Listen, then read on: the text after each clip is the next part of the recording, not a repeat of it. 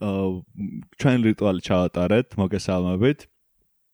აა დავიწყებ ციტალი კედლის შემდეგ გამოშვებას, ეს არის მეოთხე გამოშვება, მგონი უკვე შევძელით რომ მეოთხე გამოშვება გვექნება, რაც ჩემს milestone-ია. 2020 წელსაც გადავედით. ახალი წელია ახალი დეკადა ბევრს ფიქრობენ იმაზე არის ახალი დეკადა თუ არა მაგრამ ეს ძალიან ტექნოკრატიული შეკითხვა გონია რომელსაც ხოლმე და მხოლოდ პასუხი ელიზაბეთ ვარენს აინტერესებს ალბათ. ჩვენც ახალი დეკადა მორჩა ეგრე. ჩვენი პირველი სტუმარი იქნება ლეონ ბერიანიძე ძალიან გვიხარია ლეონი გვესტუმრა ცოტა ხნით იყო თბილისში და გამოვიყენეთ ჩვენი შანსი რომ მოგვეწვია მე გავუწყობ პროგრამას. დათო ჩიხაძე გიორგი ცინცაძესთან ერთად. დალის ჩვენთან ერთად იქნება. დღეს არ მომზადებია მართალია რეკლამა. აა იმიტომ რომ ახალწლები იყო. ძალიან ბევრი მაგრამ მაინც გვატყვის აა რამდენიმე სიტყვას აუცილებლად. თემა რომელიც შევარჩიეთ იქნება დიწილად უფრო მეტად 2000 20-იან წლებში უკვე რა გამოწვევები ექნება მემარცხენე აქტივიზმს? ინსპირაცია იყო მაინც ჯგუფიდან სადაც დაგვიწერეს რომ რა უნდა გამოვასწოროთ მემარცხენეებმა და ამაზე ვისაუბრებთ აუცილებლად. თუმცა ნუ შევეხებით რაღაც აქტიურ მიმდინარე მოვლენებსაც. ალბათ ირანის garaშე არ გამოვარო რამე ვთქვა და ალბათ აუცილებლად ვისაუბრებთ ცოტა საავსტრალიასეს და ავსტრალიაში მიმდინარე ხანძარზეს და იმაზეც თუ რატომ არის დამნაშავე ამ ყოველბერში ნაწილობრივ თუ ბოლომდე არა ნეოლიბერალიზმი და ესეთი გავეშებული ინდუსტრიალიზაცია, გავეშებული სიხარბეზე ორიენტირებული წარმოება. მოდი დავიწყოთ საუბარი, მე მიკროფონს გადავცემ გიორგის და მე ლევანს თხოვ რომ გააკეთოს თავისი შესავალი სიტყვა. აა გამარჯობა გიოცოთ ახალ წელს ყველა მსმენელს უსურვებ რომ კაი საინტერესო 2020 წელი ქონოდეს მშვიდობიანი. მე მგონი ყველაზე აქტუალური სურვილი არის ხარო რაღაცნაირად მშვიდობიანი წელი გამოვიდეს იმის ფონზე რაც ხდება ახლო აღმოსავლეთში და ესეც მნიშვნელოვანია ხო ალბათ რომ თქვა რომ ეს ეხანდელი ეს ამბავი და პუმპვის არ არის რაღაც იზოლირებული ინციდენტი ხო? ანუ ეს არის რეალურად მრავალწლიანი ისტორიის ერთი ეპიზოდი ზამძიმე ისტორიის სისხლიანი ისტორიის რომელსაც თითქმის არ ყავს პოზიტიური პერსონაჟები და ყავს ძალიან ბევრი მსხვერპლი ჩვენ როგორც წესი ჩოლებრივი ადამიანები თვითონ პირველ რიგში თვითონ რეგიონში და მე უამრავი სხვა ვის ვინც იქ ხვდება ან სხვა აგზავნის ან იქიდან წასვლა უწევს და ასე შემდეგ და ასე შემდეგ. რა ეს არის რაღაც კონფლიქტი, რომელსაც ფაქტიურად არ ყავს პროტაგონისტი და ერთადერთი რაც შეიძლება რომ ალბათ ვისურვოთ, არის მშვიდობა და აა რეგიონშიც და მთელ სოფლიოშიც ხო? ანუ სხვანაირი პოზიცია მე ვერ წარმომიდგენია ხო? რომ და სხვანაირი ამოსავალი წერტილი როგორ უნდა გქონდეს მე ვერ წარმომიდგენია გარდა იმისა რომ გინდოდეს მშვიდობა და გინდოდეს განიარაღება მთლიანად რეგიონის და გინდოდეს რა თქმა უნდა ნაკლები ინტერვენციონიზმი და აა ნაკლები ესეთი ძალიან ავანტურისტული და საფათო ჩარევები რეგიონში, რომელიც სულ, ანუ კი არა როგორც წესი, ანუ სულ სულად თავდება რა. და იმედია რომ კიდევ ერთხელ არ არ შევალთ რაღაც თვარეულებივით კიდევ ერთ რაღაც კონფლიქტში, რომელიც მხოლოდ სულად შეიძლება დამთავრდეს. ანუ ესეთ მოვლენებს არ აქვს კარგი გაგრძელება, ხო, ნუ ვერც ექნება. ამიტომ რავი, ჩვენს ალბათ მნიშვნელოვანი ყურეს კი გვეთქვა და რაღაც გისურვებთ ყოველს მშვიდობას და მათ შორის, რა თქმა უნდა, თვითონ რეგიონშიც ყველა ადამიანს აბსოლუტურად ვინც იქ არის და ვინც ახლა ალბათ ძალიან შეშინებული არის. აა ოკასია კორტეს ქონდა სხვა შორის ძალიან ისეთი სწორი აქცენტი ამ ყველაფერზე გაკეთებული.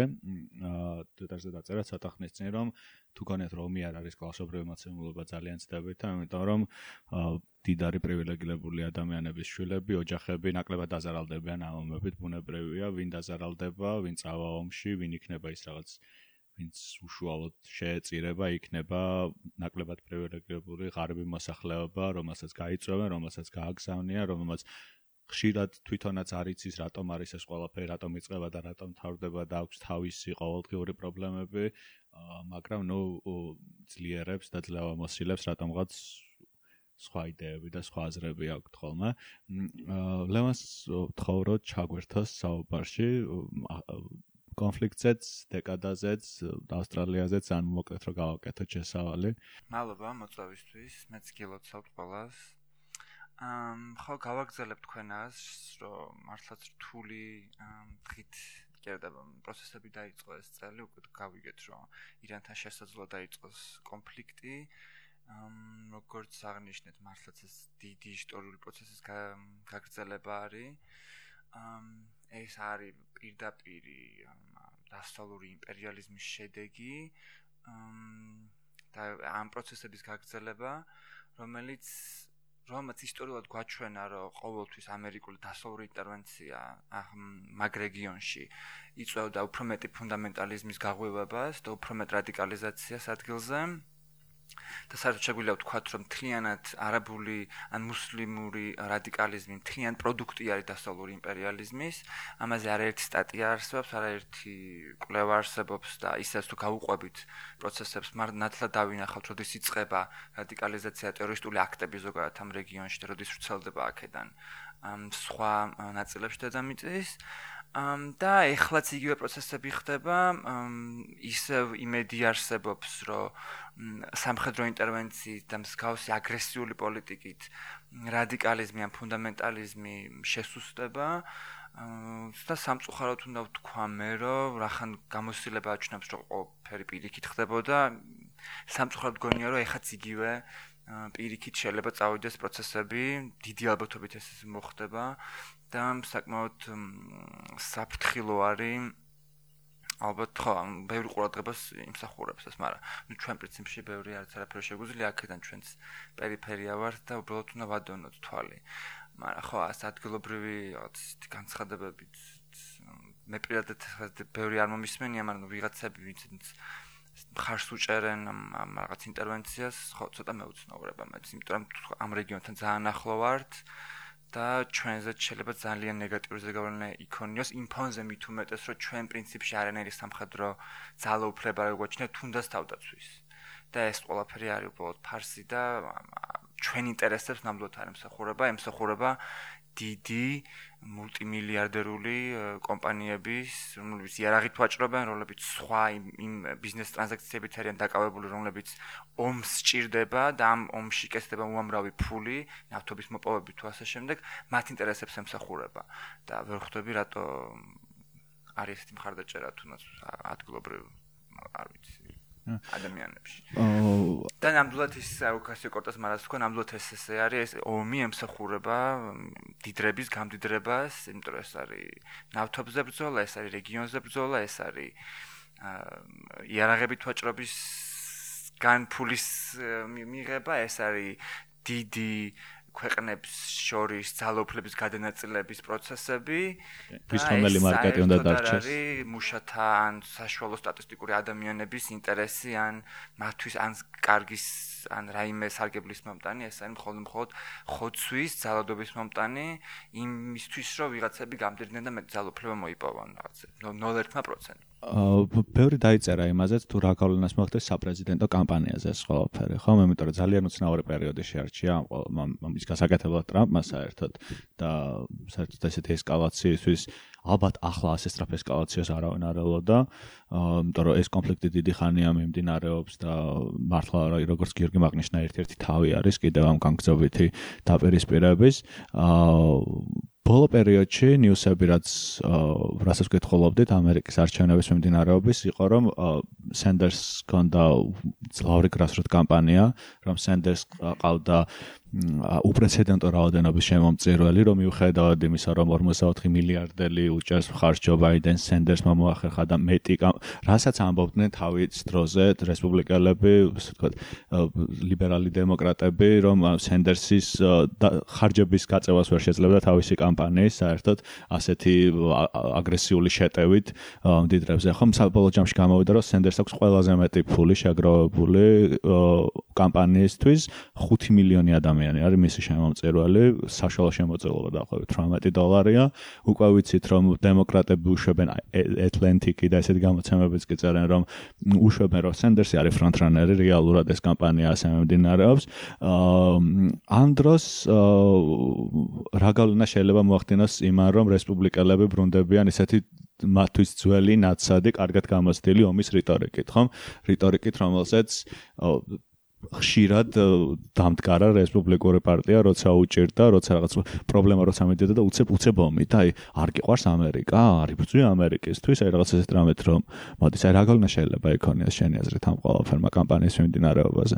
ხო, არ ვიცი, ანუ რეალურად ეს რაც ახლა რასაც ახლა ჩვენ უყურებთ ეს რაღაც იმპიჩმენტი იმპიჩმენტირებული პრეზიდენტის რაღაცა გაბრძოლება უკანასკნელი ყურადღება მის მხრიდან გადაიტანოს სხვაზე, და ომი როგორც წესი ამის საუკეთესო მეთოდია ხოლმე, იგივე რუსეთში პუტინის არაერთხელ გამოუყენებია ეს მეთოდი და სხვა სხვა ქვეყნებში ხა არაერთხელ გამოუყენებიათ ავტორიტარულ რეჟიმებს ომი ან სხვა ქვეყნების ინტერვენცია და უსაფრთხოების საკითხები, იმიტომ რომ ეს მარტივად ახდენს ამ შიშების მანიპულირებას და მობილიზებას ახლა რა დროს კორუფცია, რა დროს ადამიანის უფლებები, რა დროს არ ვიცი, თუნდაც ტრამპის საზოგადოებები არაც მან უკრაინასთან და დემოკრატიულ პროცესებში ჩარავასთან მიმართებაში გააკეთა, როდესაც აგერ ახლა ტერორისტები მოდიან. ხო, აი მარტივი არის აი ამ სენტიმენტი თამაში და ნუ ბევრი ამბობს, რომ პრინციპში ეს მისი მხრიდან იმიტომ აირჩა ეს დრო, რომ რეალურად ეს ტაქტიკა გაეკეთებინა.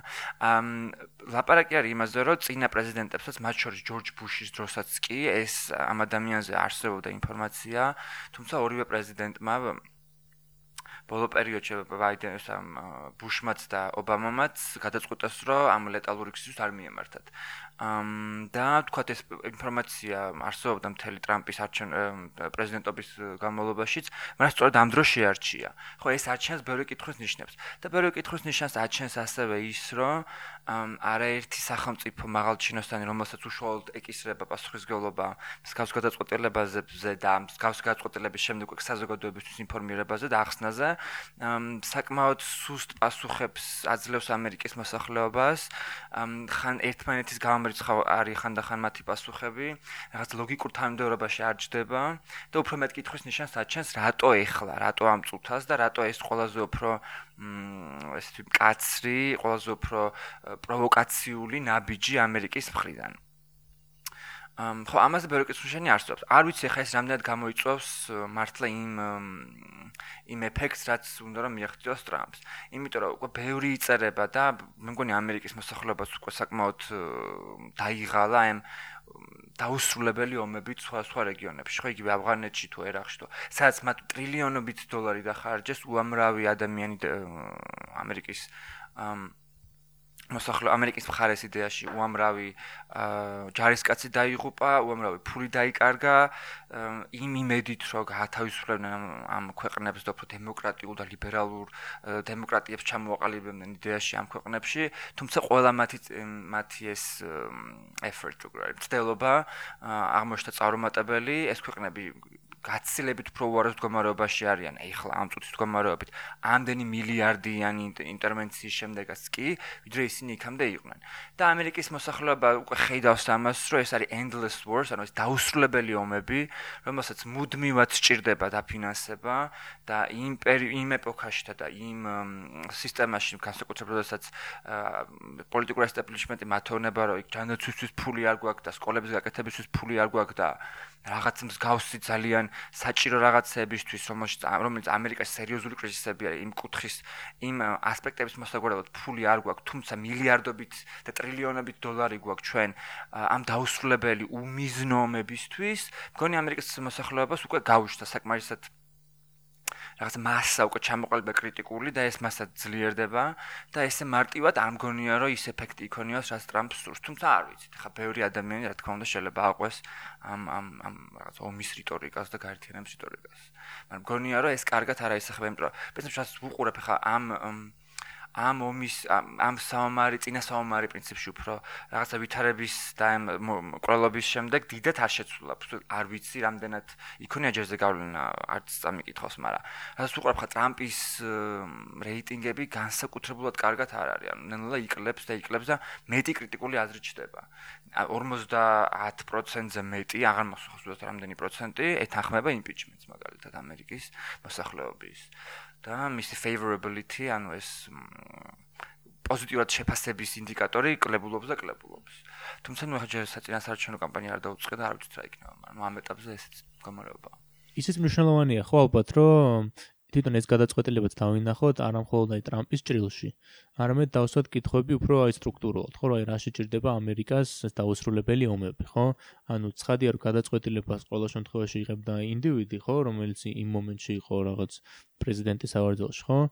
მაგრამ არ დაიყვანება ეს იმპერიალიზმი პირად გადაწყვეტილებებზე, ხო, ან იმპულსურ გადაწყვეტილებებზე, მაშინ როცა დიდი ნაწილი კრიტიკის ახლა ამ მათ ლიბერალური სივრცეების იმ ნაწილში სადაც ამის კრიტიკა ისმის მომაღლა არის პირადად ტრამპისკენ რომ მან მიიღო იმპულსური გადაწყვეტილება რომ მან მიიღო რაღაც თავისი თვის დამახასიათებელი გაუთვლელი გადაწყვეტილება და ასე შემდეგ ასე შემდეგ და ძალიან ჭირს ეს სტრუქტურული კრიტიკა რომელიც დასავდა კითხვას რომ რაში ჭირდება ამერიკული იმპერიალიზმის მუდმივი ინტერვენციები და რატო შედის ამერიკა მუდმივად აი ესეთ დილემაში, საიდანაც კარგი გამოსავალი საერთოდ არ არსებობს რა, რომ ან უნდა რაღაცნაირად შეიჭრა, ან უნდა გამოხვიდე და შენი ადგილი დაიკავოს კიდევ უფრო რადიკალურმა რაღაც ჯგუფებმა, ხო? და რატო შეიქმნა ესეთი წესრიგი და რატო დადგა ესეთი არჩევანი? რაღაცნაირად მეორე ხარისხოვანი ხდება ხოლმე იმის მიღმა, რაც ჩანს ზედაპირზე, ანუ პიროვნებები და რაღაც პიროვნული გადაწყვეტილებები, ხო? აი აქ გამოჩნდა ალბათ აი სისუსტეც აი საჯარო სივრცეში კრიტიკული ხმებისაც და რაღაც მედია საშუალებებისაც, რომელიც ასეთ კითხვებს დასვავდა და ამით ბევრს გაახსენდა ედენა ერაყის ომის დაწყებაც, როცა მედია ვერ აღმოჩნდა მოწოდების სიმაღლეზე, ვერც კრიტიკულობით, ვერც სკეპტიციზმით, ვერ სვავდნენ სწორ კითხვებს და საბოლოო ჯამში იღებდნენ ფაქტიურად სახელმწიფო პროპაგანდას და ტიპოლ ტირაჟირებდნენ მას ყველანაირი რაღაც კრიტიკული აზრის შეტანის გარეშე და ეს მართლდებოდა იქაც როგორც ყველგან რაღაც პატრ რაღაც კვაზი პატრიოტული რაღაც დროშის ფრიალით და ეს არის კიდევ ერთხელ მიუთითებს ამ სისუსტეებზე საჯარო სივრცის და პოლიტიკური ძალების და თან აი მართლა უცნაური არის როგორ უჭერს ხალხს ამ შიდობის მოყარე პოზიციის დაფიქსირება თვითონ ამერიკაში და აქაც ხო? ან თითქოს ხო ცხადია რომ როცა რაღაც მოქალაქე ხარ უნდა გინდოდეს მშვიდობა და პირველ რიგში უნდა გამოდიოდე იმ მდგომარეობიდან რომ რამ რა მოიტან მშვიდობას რა გამოჯობესებს იქ ადამიანების ყოველდღიურობას ხო? მაგრამ ძალიან უჭერს იგივე ამერიკაშიც კანდიდატებს და აქაც ძალიან უჭერთ ყველა არის ჩართული ამ მუდმივად ამ რაღაც ვითომ სტრატეგიულ ბრძოლაში რა და ყველა თulis რომ თვითონ არის რაღაც ის რა ქვია დიდი სტრატეგია სტრატეგიაში ჩაბმული მაშინ და ყველა ძალიან უჭერს ელემენტარული ადამიანური პოზიციის დაფიქსირება გასტომარ შემოგვერთა არ არის ჩვენი სტომარი მაგრამ გვეწევა ესე დიმიტრი დათიაშვილი დიდი გიგაბუკარესტე მოდი გამჩეკე ჩვენ მეგობარი მაჩა ხო, ესეთი ამბავი, მე მგონი, ხო, რა ვიცი, თუ გაქვს კიდე რამე სათქმელი ირანზე. კი, დავამატებ ირანზე და შეგვიძლია გადავიდეთ ჩანდა თემაზეც. კი. შო. აა ხო, ანუ მე მე ძალიან მაკვირვებს ამაზე მინდა და უბრალოდ კომენტარი გამეკეთებინა. აა ძალიან მაკვირვებს ის, რომ რამდენად რთულია, თუნდაც აა პოლიტიკური მოღვაწეებისთვის და ნახეთ რომ გარდა თუნდაც კორტესის, ბერნის და ესეთი ვინც ვიცით რომ ისედაც ანტივარაქტივისტები არიან მათ გარდა ძალიან ცოტა ვისაც ასე ვევალებოდა რომ დააფიქსირებინა თავის ძვანე პოზიცია დააფიქსირა ესეთი მწვავე პოზიცია. აა ძალიან უცნაური იყო ასევე საერთაშორისო თანამეგობრობის ხარდაჭერა იქაც აა ყველა ხდება ალბათ რომ ეს არის ცუდი რაც ახლა მოხდება ანუ ომი გინდოდეს არის ძალიან მithumetes 21 საუკუნეში მე-20 საუკუნის შემდეგ საუკუნის რომელიც საერთოდ გაანადგურა ომებმა თაობები და ოჯახები გაანადგურა ომებმა ტერიტორიები გაანადგურა ომებმა. გინდოდეს ახლა ომი არის რაღაც ისე ცოტა აბსურდული რამ მაგრამ და ალბათ გულისხმობაში არც არავის არ უნდა ჩემი აზრით მაგრამ ხო ეს დისკურსი იმდენად ძლიერია და ეს რაღაც იდეოლოგია იმდენად ძლიერია, ხო, რომ აი წინააღმდეგობრივი იდეოლოგია, რომ ლიბერალურ დემოკრატიას ჩვენ უკვე ხედავთ და დადასტურებით შეგვიძლია თქვა, ხო, რომ ჭირდება წინააღმდეგობა იმისთვის, რომ თავისი ლიბერალურობა დაამტკიცოს, ხო, ეს ხომ არ არის ლიბერალური დემოკრატია არის უფრო რაღაც ოპოზიციზე რეაქციის პოლიტიკა და არ რაღაც ესეთი ჩამოყალიბებული იდეოლოგიური პოლიტიკა, ხომ? ანუ თუნდაც იყო მემარცხენე იდეოლოგიას, ვეღებ მემარცხენე იდეოლოგიას თავისი ესეთი ღრმარწმენა აქვს თავისი ღრმარწმენა აქვს თავის სტრუქტურაში, თავის მოსაზრებებში, თავის ღირებულებებში. ეს არ არის ღრმარწმენა გამომდინარე იქიდან, რომ აი ისინი ესეთები არიან და ჩვენ ესეთები არ ვართ თუ რაღაც. ხომ? ანუ აბსოლუტურად იცი შენი გზა არის იმის რომ რაღაცეების გჩეროდეს, ხომ? ლიბერალური დემოკრატია არის უფრო მეტად რეაქციაზე დაფუძნებული თუნდაც პოლიტიკური სტრუქტურაც და საზოგადოებრივი მოწყობაც, ხომ? ანუ იყო თავიდან იყო ფაშიზმის საწინააღმდეგო, მერე შემდეგ იყო კომუნიზმის საწინააღმდეგო, შემდეგ იყო ტერორიზმის საწინააღმდეგო. როცა ტერორიზმის აღარ იქნება ალბათ კიდე რაღაც საწინააღმდეგო იქნება შემდეგ. ხო, ანუ ცდილობს ალბათ კლავ ამ ძველი ნაცადი მეთოდის გამოყენებას რაღაც ისტაბლიშმენტი რომელსაც სურს რომ დარჩეს ძალაუფლებაში. როგორც ლევა თქვა რამდენად გამოვა ამას შეიძლება ვიდა და მეც არ მგონია რომ ახლა უკვე ეს გამოვიდეს იმიტომ რომ იმდენჯერ იმდენჯერ არ გამოვიდა უკვე რომ რაღაც დასასრული სადღაც უნდა კონდეს ამ ყველაფერს ხო? რამდენიმე კანდიდატები ვინც ღიათ აკრიტიკებს ამას ახლა თან არჩევნების პერიოდში უკვე მეტად ისმის მათი კრიტიკა. და მგონია რომ ეს შექმნის იმ რაღაც ანტი ამასაც რა ნარატივს რასაც რომ მარტო ესე არ არის სხვა სხვა თვალსაჩინოს არსებობს. ხო და რაც მინდოდა მე თქვა ამ ინანთან დაკავშირებით აბსოლუტურად გეთანხმები. ერთი რაღაცაში რაც მგონია ეხა მაშინ ვერ დაგეთანხმა შეიძლება არის რომ იდეაში ეს გადაწყვეტილება მართლაც შეიძლება იყოს ზუსტადაც რომ ტრამპის თავის აი თავქარიანი ძალიან ეგოისტური გადაწყვეტილება.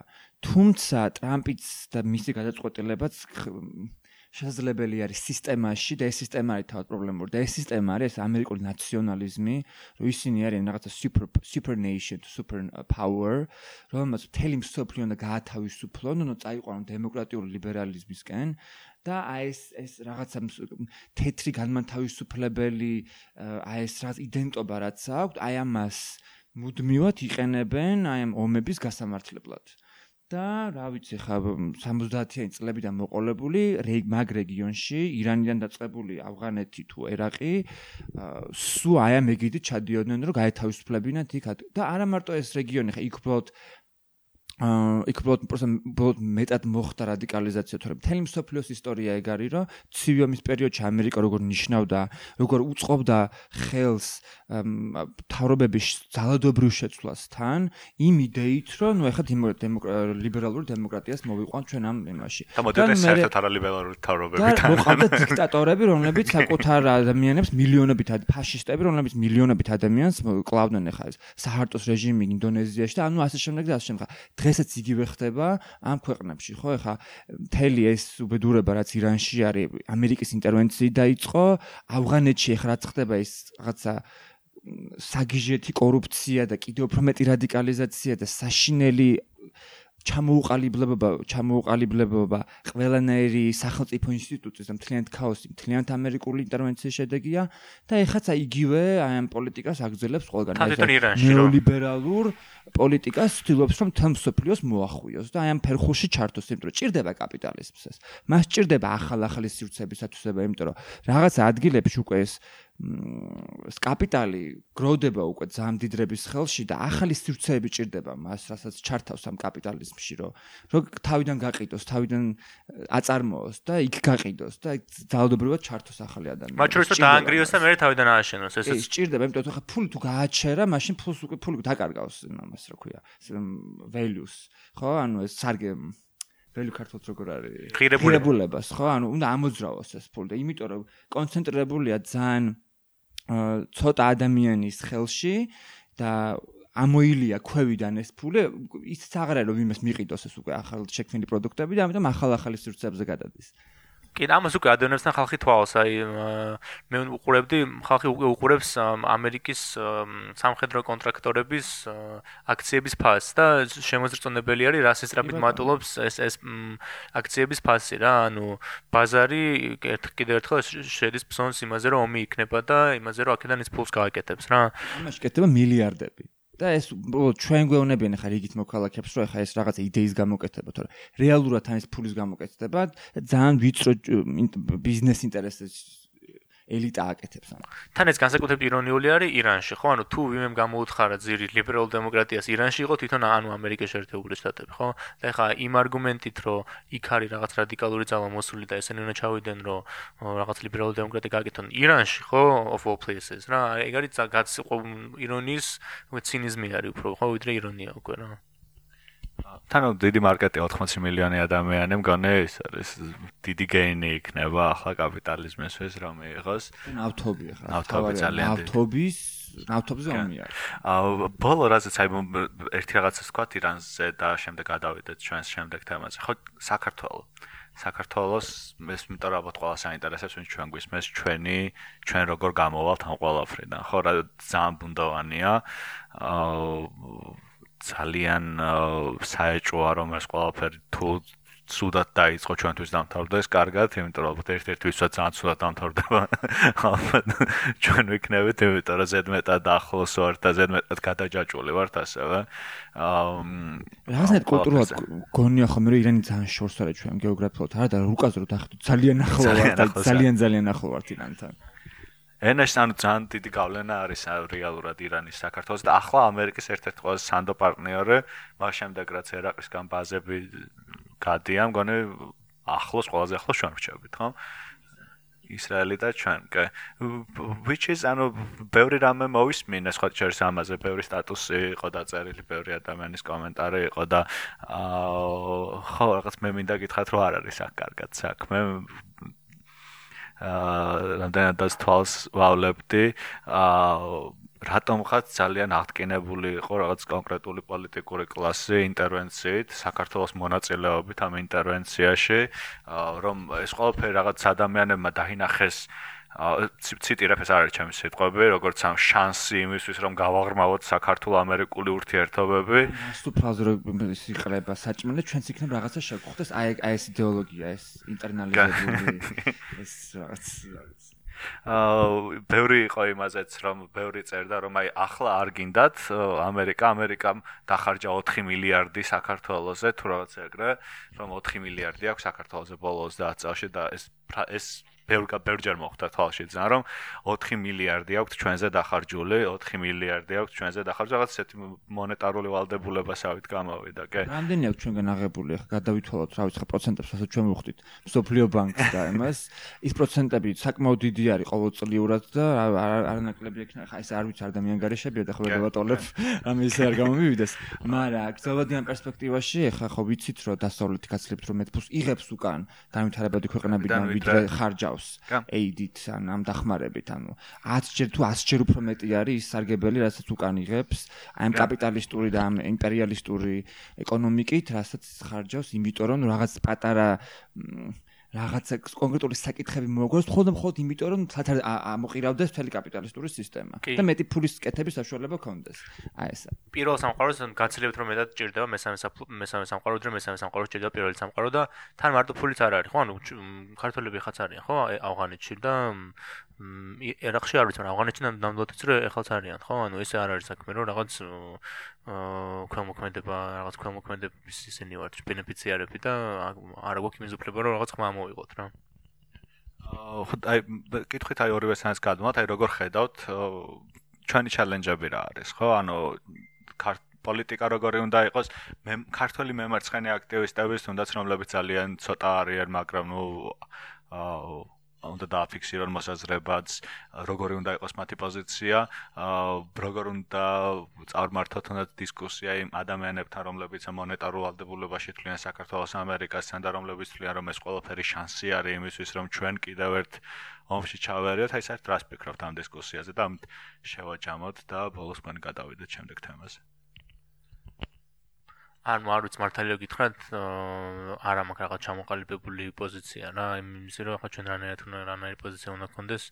გარდა იმისა რომ გვინდოდეს აი როგორც ლეონმაც გარო პერიფერია ვარ ჩვენც და აქედან სეუდიანი ზერა სეუდიანი მსერი დააკვირდეთ იქაურებას მეტრო სხვა არ ვიცი თუ ვინმეს აქვს რაღაც საშუალება რომ იმეს რაღაც დაეხმაროს და გამოხატოს თავის სოლიდარობა აა კარგია მაგრამ ნუ ჩვენ როგორც სახელმწიფო ხა არ ვიცი ხო ხა რანაირად უნდა ჩავერიოთ ამ კონფლიქტში არ ვიცი ხო ხა ერთ-ერთი ის რაც იყო, იყო ტოვილების ამბავი, რომ აი ესეთი რამე მოხდება, აი აქ აქ არის ალბათ ქართული აა რა როგორი პოზიცია იქნება საქართველოსგან, ხო? აი თუ მოხდება მართლა ინტერვენცია, ალბათ ერთ-ერთი ქვეყანა, რომელსაც მოუწევს რომ მიიღო მიიღოს ტოვილები, იქნება ხაჭარი საქართველოს, ხო?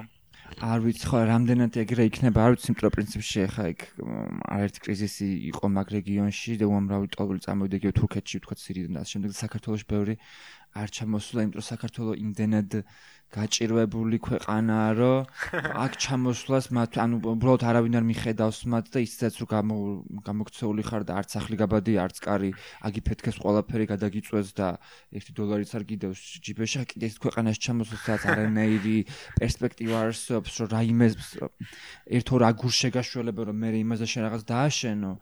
ხო, ნუ მესმის და წყარო ვართ მიგრანტების და არა დანიშნულება ხო როგორც წესი ხო? როგორც წესი ხო, იმიტომ რომ ხა მე რაც მახსოვს ჩემი გამოცდილებიდან, ქვიარ საკითხებზე რამდენი მიგრანტი ვინც იყო ჩამოსული რეგიონ ჩვენი რეგიონიდან და თუ რამდენიმე ადამიანი იყო ეგეთი თქვა ჩეჩნეთის და აზერბაიჯანის კრიზისის შემდეგ, მაშინ გავერკვე ძირთად რა სერვისები არსებობს სახელმწიფოში და მივხვდი რომ არანაირი სერვისები საერთოდ არ არსებობს, ან თუ არსებობს იმდენად მიზერული არის რომ ნუ ადამიანს ფაქტობრივად უსახკარობისთვის წირავთ და ну მესმის რომ და ამის გამო არ მგონია რომ ხა რაღაც დიდი საიმიგრაციო კრიზისი მოგვიწ, მაგრამ აბსოლუტურად გეთხოვე იმაში რომ ჩვენ როგორც პერიფერიას, როგორც იმ ქვეყანას, რომელსაც არანაირი დიდი ზეგავლენა ვერ ექნება პრინციპში გლობალურ პოლიტიკურ მოვლენებზე, გარდა იმის, რომ რაღაც რეფლექსია მოვახდინოთ, ხო, ჩვენ ბევრს ვერაფერს ვერ ვიზავთ, გარდა იმის, რომ შეგვიძლია ჩვენ მოსახლეობას ავუხსნათ რატო ხდება ეს? და იქნებ რაღაცნაირად შევარყიოთ აი ეს მითი, რომ აი ამერიკა აპრიორი კარგი არის და მათი ყველანაირი პოლიტიკა აპრიორი კარგი არის და ჩვენც აქეთკენ უნდა მივიდიოდე და ცოტა მეტად გაჩნდეს კრიტიკული პოზიცია დასავლური ამ იმპერიალისტური პოლიტიკის და ზოგადად ამ კოლონიალისტური და ველური კაპიტალისტური პოლიტიკის სადმი. კი, 100% მეგონი არაფერი აღარ არის დასამატებელი, მე მგონი. ერთადერთი ის რომ ნუ მესამე სოფლიო ომი თუ იქნება, მე რა ჩვენ ყველა უნდა ვიმუშაოთ იმაზე, რომ საგარეო ომი გარდაქმნათ სამოქალაქო ომად და მე რაღაცნაირად იქ რევოლუციაც დად. აა, ეგ თუ დაიწყო ბუნკერების გათხრაზე უნდა ვიჩოლიჩოთ მეტი არა. ციტალი დროშავით გამოვარდეთ, გარე თავაშავით ციტალი კედლები. აქ მოთ შემდეგ თემაზე შემოგთავაზებთ რომ გადავიდეთ ირანზე თელ თქვენ საკმარისად ვისაუბრეთ ხანძარი ავსტრალიაში ეს ალბათ მთავარი გლობალური საკითხი არის. ირანის შემდეგ თუ უფრო მნიშვნელოვანი არა იმიტომ რომ ბოლო წლებში უკვე ხედავთ მე მე მეოთხე ჯამში მეოთხე დიდ ხანძარს რომელიც ანადგურებს ველურ ბუნებას ანადგურებს ეკოლოგიას ანადგურებს უამრავ ცოცხალ არსებას იმიტომ რომ საშინელი კადრები იყო რა. 9 მილიონზე მეტი ხოლმე დაიღუპა უკვე. აა და ძალიან დიდ საფრთხეს უქმნის ამათ შორის ადამიანების სიცოცხლესაც. ამ ყველაფერს არ აქვს მხოლოდ და მხოლოდ ბუნებრივი მიზეზი, ეს ფაქტია, ეს დადასტურებულია, ეს არ არის მხოლოდ და მხოლოდ იმიტომ, რომ დედამიწამ გადაწყვეტა, რომ უცებ ბევრი ხანძარი გაჩნდეს, ხომ? ანუ ამ ყველაფერს აქვს კონკრეტული საზოგადოებრივი, სოციალური მიზეზი, ადამიანისგან გამოწვეული მიზეზიც, რაც პირველ რიგში არის, რა თქმა უნდა, კაპიტალიზმი, რაც პირველ რიგში არის, რა თქმა უნდა, ველური ინდუსტრიალიზაცია და რაც პირველ რიგში არის, რა თქმა უნდა, დაუფიქრებლობით გამოწვეული ეკოლოგიური პოლიტიკა. გიორგი ის რომელიც არის სპეციალისტი და გასავით რომ მეტად ჩახედული ეკოლოგიის ვთქვა რომ ახლა ცოტა პატარა რევიუსავით გავუკეთოს რა ხდება საერთოდ პერსპექტივა რა არის ამ ყველაფრის გააზრების და მე ჩვენ გავაგზავნოთ ამაზე საუბარი. ხო, რაღაც ხშირად მიწეს მეც საუბარი ხომ ამ ხანძრებს, რა ჯერ პირველ რიგში იმიტომ რომ ამაზონის ამბების დროს და მე იყო საქართველოსში თუ გახსოვთ რაღაცა ეპიდემიასავით იყო, აქაც რაჭაში და სვანეთში ხანძრების და ეხა არის მესამე ავსტრალიური ხანძრები. და რაღაცით ერთმანეთს გავს, მე ხომ მიდიან ის სხვადასხვა ეკოსისტემებზე გვაქვს საუბარი, რაღაცით ერთმანეთს გავს და რითიც გავს არის ის რომ პირველ რიგში შევდივართ ისეთ კლიმატურ რეჟიმში, სადაც აქამდე არსებული მოდელები, აქამდე არსებული სახელმწიფოებები, ფაქტიურად აღარ არის რელევანტური, ვეღარ იცემს კითხვის პასუხს რა. და აი განსაკუთრებით ჩანს ეს აი ხანძრების შემთხვევაში, იმიტომ რომ ხანძრების მართვა არის ძალიან ჩახლართული პროცესი ეკოლოგიურადაც რა. ანუ ყველა ტიპის ტყეს აქ თავისი რაღაც ბუნებრივი ხანძრის რეჟიმი. ანუ ხანძრი არის ბუნებრივი მოვლენა, ხო და ეს რეგენერაციისთვის არის აუცილებელი და ასე შემდეგ და ასე შემდეგ. მაგრამ ეს არის აი ძალიან გრძნობიარე თემა არის რა და დამოკიდებულია უამრავ ფაქტორზე. დამოკიდებულია პირველ რიგში იმაზე, რომ აი მანამდე როგორი ხანძრის მართვის რეჟიმი იყო, ხო? ანუ მანამდე თუ აგრესიულად აკრობდი ხანძრებს, ხო? ეგ ნიშნავს, რომ იქ შიგნით ტოვებდი დიდი რაოდენობით საწვავს და ეხა როცა ბუნებრივი ხანძარი დაიწყება, ის მე გავცელდება უკვე და არაბუნებრივ პროპორციებს მიიღებს. ხო, აი მაგალითად რა. აქ არის საუბარი იმაზეც, რომ აა თვითონ ტემპერატურაც რახან იცვლება და თვითონ რახან ნალექიანობაც იცვლება ეს სრულიად ცვლის თვითონ სეზონებსაც და იმ მომენტში აღარ ელოდები ხანძრას როდესაც ელოდებოდი მანამდე და რაც ყველაზე მნიშვნელოვანია კიდე ამ კლიმატური ცვლილებების გამო თვითონ სახეობები მოძრაობენ რა. ანუ პროჩტილოეთით როგორც წესი ხო, რაღაც დიდი ნაწილი ტყეების გადაინაცვლებს ჩtildeოეთით და თუნდაც 10 წლის წინანდელი, 20 წლის წინანდელი ინფორმაცია თუ გაქვს აი ტყის შემოადგენლობაზე რა სახეობები არის იმ კონკრეტულ ტყეში ხო? ეხლა შეიძლება ეს მართალი აღარ იყოს და დიდი რაოდენობა სახეობების იყოს შეცვლილი ისე რომ ტყის შემოადგენლობა იყოს ანუ რაც ნიშნავს რომ თვითონ ხანძრის რეჟიმიც იქ არის უკვე აბსოლუტურად აბსოლუტურად ეს რა ქვია ახლიდან დასამუშავებელი რა. ანუ შევდივართ რაღაცნაირად ეკოლოგიური აი უცოდინრობის რეჟიმში თუ რა დავარქოთ აი რაღაც ეკოლოგიური რაღაც ამნეზიის რეჟიმში როცა აქამდე რაც ვიცოდით ფაქტობრივად არაფერი აღარ გამოგვადგება შევდივართ რაღაც ახალი ტიპის კლიმატური რეჟიმის დროში და ვართ აბსოლუტურად მომზადებლები ამისთვის და თანაც თვითონ ეს მდგომარეობა თვითონ იცვლება გაცილებით უფრო სწრაფად ვიდრე ჩვენ ახერხებთ მის მიმართ ადაპტირებას ველზეც და თეორიულადაც და ცოდნის ხრივაც რა.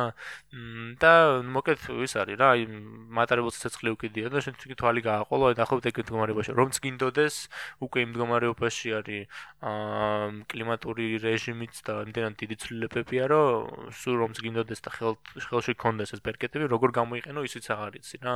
ამიტომ არის კლიმატური ცვლილება განსაკუთრებით ჩახლართული ამბავი, იმიტომ რომ არა მარტო იმაზე საუბარი პერკეტები არ არ გვაქვს და იმ ხალხს არ აქვს პერკეტები, ვინც დაუშვათ ვის ინტერესებშიც არის დარეგულირება კლიმატური ცვლილების, რომც კონდეს ის პერკეტები, უკვე აწყდება თვითონაც რაღაც ბუნებრივ პირდაპირ და გადაჭრილობით შეზღუდვებს რა. ძალიან საშიში ამბავი არის და ეს ჩან გამოჩნდა ამაზონშიც, ავსტრალიაშიც და ჩვენთანაც. მაგრამ ერთი უბრალოდ რას დავამატებდი არის რომ ცოტა რაღაცნაირად ეს გაშუქება ხანძრის რა. რაღაცნაირად რაღაც მეკარიკატურულება ამ იმისი რომ აი ცხოველები რომ რაღაც ინდივიდუალური ცხოველების ისინი თუ ნახეთ რომ ან რაღაც ისე გამოდის რომ ამაში რომ დაინახოს ტრაგედია მედიამ ინდივიდუალიზება უნდა გაუკეთოს იქაურობას რა რომ იქ ინდივიდუალური კენგურუ ანუ ისე რაღაც ნეოლიბერალური სუბიექტი უნდა იყოს რომელიც იტანჯება იქა იმიტომ რომ მისთვის უცხო არის ნებისმიერ ტიპის რაღაც არაინდივიდუალური მსხვერპლი რა. ანუ აი ეკოსისტემა ისა როგორც წესი რთული გასაშუქებელია აი ხანდელ ნეოლიბერალურ რაღაც მედია რეჟიმში. და ცოტა მესასაცილოება რომ რაღაც აი ან აი დათვლა მიდის ხო რამდენი ცხოველი და ან ეს გამოტანა ინდივიდების რა. რომ აი ის ერთი კენგურუ ხა ხანძარში რა მაშინ როცა გვაქვს საქმე მრღვევასთან თლიანი ლანდშაფტურ რღვევასთან მთელი ამის კონტინენტის მასშტაბით რა. მაგრამ ამაზე თითქოს არ შეუულია ამ ლიბერალურ თუ ნეოლიბერალურ მედიას რომ ეს აღიქვას. და ეს ისე უნდა დაიყვანოს ინდივიდუალურ რაღაც სუბიექტებამდე რა. როგორც სხვა საკითხებში რა. როგორც აი ყოველთვის რაღაც ინდივიდი ინდივიდუალ ინდივიდის გასუქება შეუულია და აბსოლუტურად დაკარგულია რაღაც თვალსაჩინო რომელიც გაცდება ინდივიდს რა. ხო, ძალიან საფწუხარო არის რატო ვერ ხვდებით იმას, რომ მართლა ამ სახლს, სადაც ჩვენ ცხოვრობთ, ამ პლანეტას უკიდია ცეცხლი. ანუ ჩვენ სახლს ამ წუთით გომორობთ უკიდია ცეცხლი და ეს ცეცხლი მხოლოდ მხოლოდ გაძლიერდება.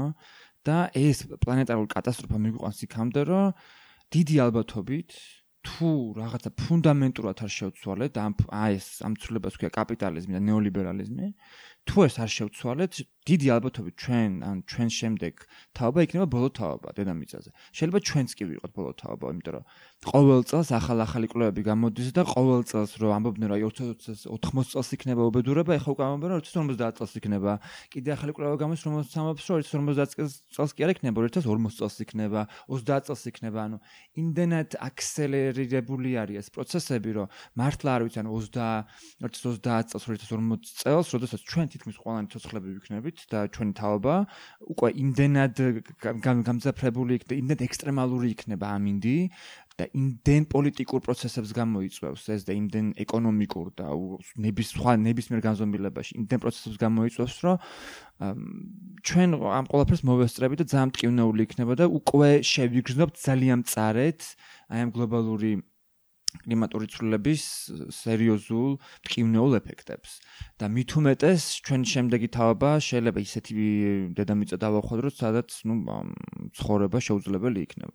მაგრამ ეს უკვე ხდება სამწუხაროდ უკვე ხდება აი არსებობს უამრავი რეგიონები და სამწუხაროდ ეს რეგიონები არის გლობალური სამხრეთი რომელიც ასევე არის ის ქვეყნები რომელსაც ეკონომიკურად ყველაზე მეტად უჭირს და რომელიც ყველაზე ნაკლებად ყველაზე მეტად ექსპლუატირებული არის და სამწუხაროდ ყველაზე მეტად პირველ რიგში მათ დაარტყავს კლიმატის ცვლილება და უკვე ურტყავს, აი მაგალითად აა დამოიწეს პატარა ჯუჯა სახელმწიფო არის მალდივებიც შეიძლება, მაგრამ ეს ნაუ ნაურუ, რომლებიც რამდენიმე წელიწადში მათი კონსული მთლიანად განადგურდება. ერთ-ერთი კონსული უკვე კონსულებისგან შედგება ეს ჯუჯა სახელმწიფო. ერთ-ერთი კონსული უკვე განადგურებული არის. რამდენიმე კონსულს უკვე რამდენად უახლოს 10-15 წელიწადში ემუქრება მსგავსი. ამ მთლიანად იძირება, მთელი სახელმწიფო იძირება. ამ ადამიანებს რა თქმა უნდა მოუწევს სადღაც წასვლა, თქვა უახლოეს რეგიონში, თუმცა ავსტრალია, ახალი ზელანდია. ესენი რა თქმა უნდა დაუწყება მე კიდე აქეთ იმის ლაპარაკს რა ხა თქვენ რას ჩამოეთრიეთ და ემიგრანტებო და რატო რატო მოდიხარ ჩვენ კარგ ქვეყანაში მაშინ როდესაც სწორედ ისინი არიან გამომწვევი და ზოგადად გლობალური დასავლეთი არის გამომწვევი მთელი ამ გლობალური კლიმატის და რაღაც უმდიდრესი 100 კორპორაციაზე მოდის ემისიების 70% და მოსახლეობის უმდიდრეს 10 ან 20%-ზე მოდის მთელი ეს overconsumption ანუ ეს რაღაც გადაჭარბებული ეს მომხმარებლური კულტურისგან ნაწარმოები ნაგავი და ეს დაბინძურება სწორედ აი ამ ელიტაზე მოდის და ამ ელიტა რომელიც არის ყველაზე დიდ რა ქვეყნებში განლაგებული ის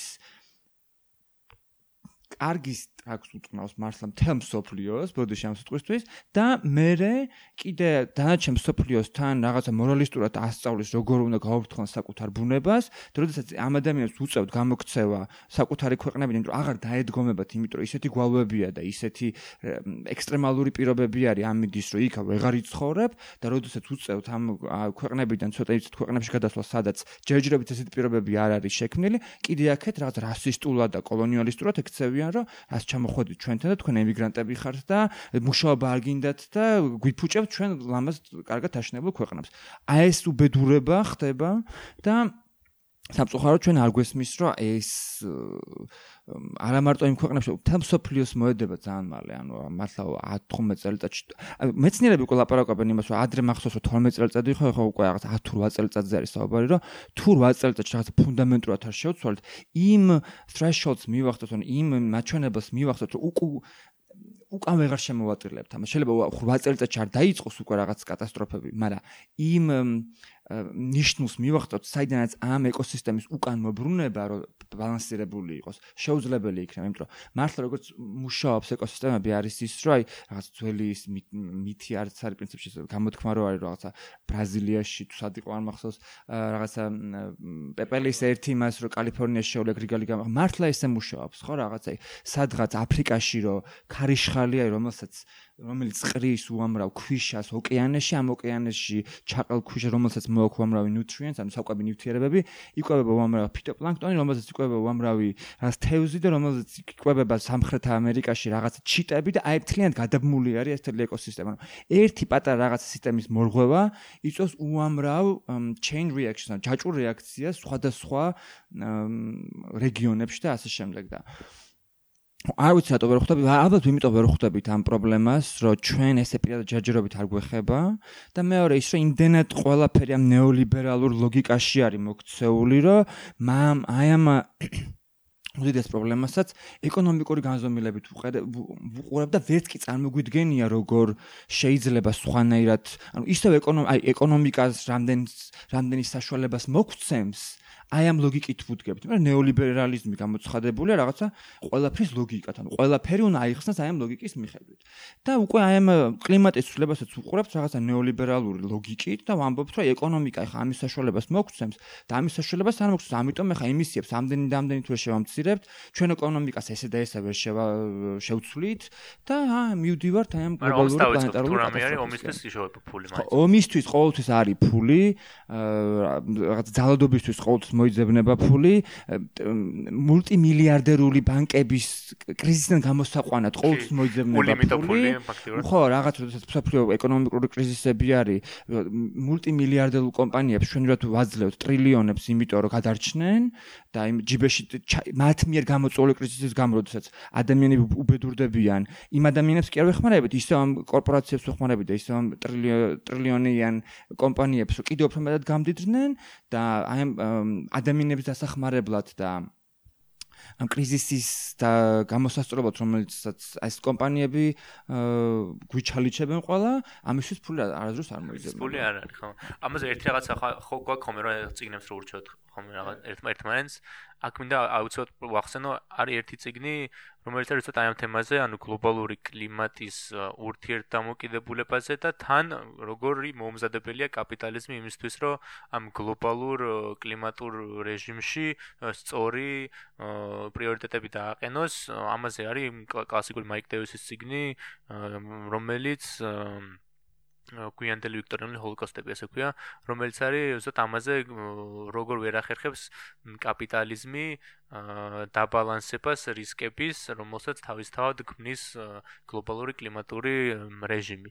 და თვითონ მაიკ დევისი ამ პრობლემას ყვება მე-19 საუკუნის შიმშილობებისგან ხო შიმშილობა ხო ქართულად რომ მას starvation რა famine ხო ქართულად შიმშილობა რომელიც მე-19 საუკუნეში დაიწყო იმიტომ რომ el niños რეჟიმმა ძალიან ბევრ ადგილას ერთდროულად გამოიწვია გვალვა და ეს იყო პირველი შემთხვევა როცა ესეთი გლობალური კლიმატური ცვლილება კაპიტალიზმის ეპოქაში დადგა და საბოლოო ჯამში მოხდა ის რომ პურის ფასმა მოიმატა და იმ იმ ადგილებიდანაც კი სადაც ჯერ კიდევ იწარმოებოდა ხორბალი გადიოდა სხვაგან ეს პროდუქტი და ადგილობრივები შიმშილობდნენ წლების მანძილზე 20 30 40 მილიონი ადამიანი გარდაიცვალა მაშინ შიმშილით და ეს არის ეპიზოდი თან რომელსაც საერთოდ არ აქვს ისტორიოგრაფიაში ფაქტობრივად არ არსებობს ეს ამბავი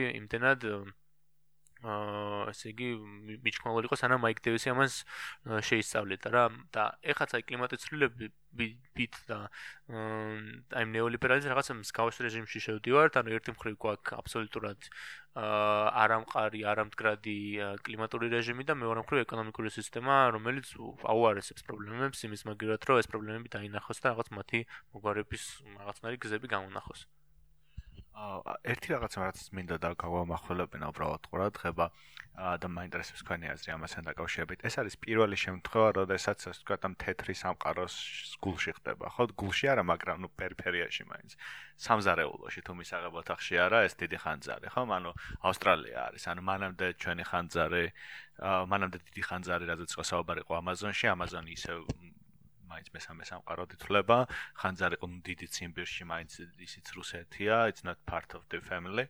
მაგრამ ამ შემთხვევაში ამ რაღაც ისეთ ცოტა ანგლო-ამერიკულ სახშიც მოვიდა, ხო? ანუ დაიწვა თითქმის მთელი კონტინენტი ავსტრალია, რომელიც მეცილად მაინც ფაქტო ნაწილი არის ამ კულტურის ამ კაპიტალისტური ლოგიკის ძალიან დიდი ნაწილია მარკეტის უდიდეს შემადგენელი ნაწილია ხო თავისი ესეთი მსუყე ადგილი აქვს ყოველთვის მაგიდაზე. ფიქრობთ თუ არა რომ აი ამას შეიძლება რაღაც ცოტათი შეცვალოს მაინც ადამიანების დამოკიდებულება ამ შეცვალოს უფრო ეს ვთქვათ ქვემოდან ხალხის პოზიცია რომ რაღაც დრო არის უკვე რაღაც ცვლილებების, იმიტომ რომ აქამდე მართლა ასე იყო, ხომ? აი იყო საუბარი იმაზე, რომ როგორ გადავარჩინოთ, აი ვოლუნტარიზმზე მანამდე საუბრობდით, როგორ გადავარჩინოთ, რაღაც დავისახოთ მიზნად, რომ გადავარჩინოთ ბრაზილია, გადავარჩინოთ რაღაცა რაც არის სხვა, რომელიც არასწორად იქცევა და ალბათ თუ არასწორად იქცევა, რაღაც ცუდად მოსდის. ამ შემთხვევაში უკვე ცოტა სხვანაირად არის საქმე. ამ შემთხვევაში უკვე სახში მოვიდა ეს ამბავი, ხომ? თქვენ ეს და იმოქმედებს ეს დასავლეთის განწყობაზე საერთოდ კლიმატის პოლიტიკის მიმართ თუ არ ექნება ამას არანაირი გადაწყვეტილი მნიშვნელობა? მგონია რომ ექნება, მაგრამ არ ვიცი ამდენ კავშირში იქნება ეს ის რომ ავსტრალიაში ხდება, იმიტომ თქო ამაზონზეც იყო ბევრი რეაქცია და მთელი მსოფლიო წერდა მაგაზე და პრინციპში მგონია რომ რაღაც ზეგავლენა იქონია და ცოტა მეტი ადამიანი მიხვდა რომ ეს ამბავი ესე რაღაც ხელწამოსაკრავი არ არის. ესეთი ხანძრები ხა მაგალითად კალიფორნიაში ხშირად არის ხოლმე და ეხა წელსაც უფრო გაძლიერებული იყო, მაგრამ დიდათ რომ აი ამის გამო რომ ეხა ამერიკაში ხდება ამ მგონია რომ ამან რაღაც ზეგავლენა იქონიოს. უბრალოდ თავად ის ფაქტი რომ მსოფლიოს მასშტაბით იზრდება და უფრო მეტად თვალსაჩინო ხდება ეს ექსტრემალური ამინდი და მის მიერ გამოწვეული რაღაცა კატასტროფები, მგონია რომ ეს ზეგავლენას იქონიებს. იმედი მაქვს ყოველ შემთხვევაში. ამანას თუ არ იქონია, არ ვიცი რა უნდა იქონიოს, მაგრამ ამ ლაპარაკი არის იმაზე, რომ აი რამდენიმე წელი გაგვაქვს დარჩენილი ამაზე რეაგირებისთვის. თუ ამ წელი ამ რამდენიმე წელიწად ჩარ მოახერხეთ ეს მე რა შანსი გვაქვს გაშვებული და ამის ერთ-ერთი პრობლემა არის ალბათ ისიც, რომ აი ამ ნეოლიბერალური სამყაროში, აი ყველანი ვართ ჩართულები იმ იმ რაღაცა ფიქრის რეჟიმში როგორ გადავრჩეთ? ხო, აი ხვალ რა ვჭამო, ხვალ ჩემ შულს რა ვუყიდო, რომ რაღაც გაიხაფე ხეცმილე სკოლაში მოწავიდეს.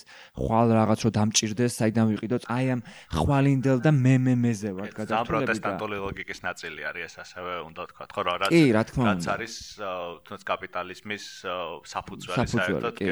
პროტესტანტულ სამუშაო ეთიკას ესე შეეძახიან ხოლმე. ხო რომ აი რომ ყო მუდამ ვარ წინააღმდეგობაში ხო რომ აი მუდამ აი მე თუ არ ვეს ის თუ არ მე თუ არ ვესვრი ის მესვრის ანუ მე თუ არ შევჭამ ის შემჭამს რა ეს ინდივიდუალური პასუხისმგებლობა და ინდივიდი ატომიზაცია საზოგადოების რომ შენ ხარ შენთვის ყველა შენ გარშემო არის არა შენი თანამებრძოლი და შენი მეგობარი არა მე შენი კონკურენტი. აი ეს ლოგიკა და ის რომ შენ უნდა იბრძოლო შენი ვიწრო პოლიტიკური და ეკონომიკური ინტერესების ან მუდმივად რაციონალური ლიბერალური სუბიექტი უნდა იყოს რომელიც ყოველთვის იბრძვის ეკონომიკური რაღაც მოგებისთვის და აი ამ აი ამ აი ამ რეჟიმში და აი ამ ცნობიერებაში საერთო ჩვენს იკეთე ხომ მთლიანად ხრება უკვე.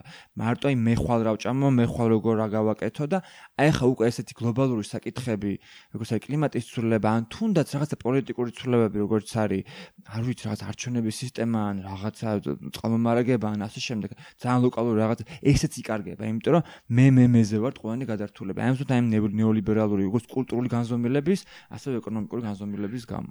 რამდენჯერ მახსენებთ რომ რაღაცა უნდა გაკეთდეს სწრაფად. აი რა არის აი თქვენი აზრით ორივეს არ მინდა ამ შეკითხვით გადმოვიდე რა არის თქვენი აზრით რაც უნდა გაკეთდეს ახლა სწრაფად იმისთვის რომ შემოვაბრუნოთ ასე ჩართული ცუდად დაძრული სიტუაცია ანუ ორი სიტყვით მინდა იმ წინა კითხოს გამოეხმაო რომ რომ ანუ რამდენი შესაძლოა პირველ სამყაროში მოხდა. მაგაზე მინდა ორი სიტყვით ქარო ცოტა სკეპტიკურად რომ განწყობილი რომ ეგრამის შეცვლის პირველ რიგში იმიტომ რომ ეს არ არის პირველი ასე ხო რაღაც ბუნებრივი კატასტროფა რომელიც პირველ სამყაროში ხდება ხო განვითარებულ სამყაროში ხდება. აა ანუ ინტერპრეტირება ყოველთვის რაღაც ბრძოლის ველი არის და იქ როგორც წესი აგებს ხოლმე ის ინტერპრეტაცია, რომელიც ამას პირდაპირ უკავშირებს აა კლიმატის ცვლილებას და თან კლიმატის ცვლილებას ამ ეკონომიკური აა გაგებით რა. და ეს ესე შემთხვევაში არ არის ხო ან ამ ინტერპრეტირების ველზე ორგანიზაციები, რომლებიც ყველაზე ხმაურიანები არიან, მედიები და ასე შემდეგ, აა როგორც წესი ერიდებიან ამ პრობლემის ისე არტიკულირებას, რომ კლიმატის ცვლილება დაუკავშირდეს პირდაპირ პირდაპირ რაღაც ეკონომიკურ ელიტებს, ხო? აა და მეორე რატომაც სკეპტიკურად განწყობილი არის რომ ანუ წინა გამოცდილებები როგორი არის მსგავსი კატაკლიზმების შემთხვევაში რა ხდება ხოლმე ხო? და როგორც წესი ეს კატაკლიზმი რომელიც პირველ სამყაროში ხდება წარმოაჩენს ხოლმე იმას რომ სინამდვილეში აი ნეოლიბერალიზმის პირობებში ის განვითარებული სამყაროც შეიცავს მესამე მსოფლიოს თავის თავში შიგნით.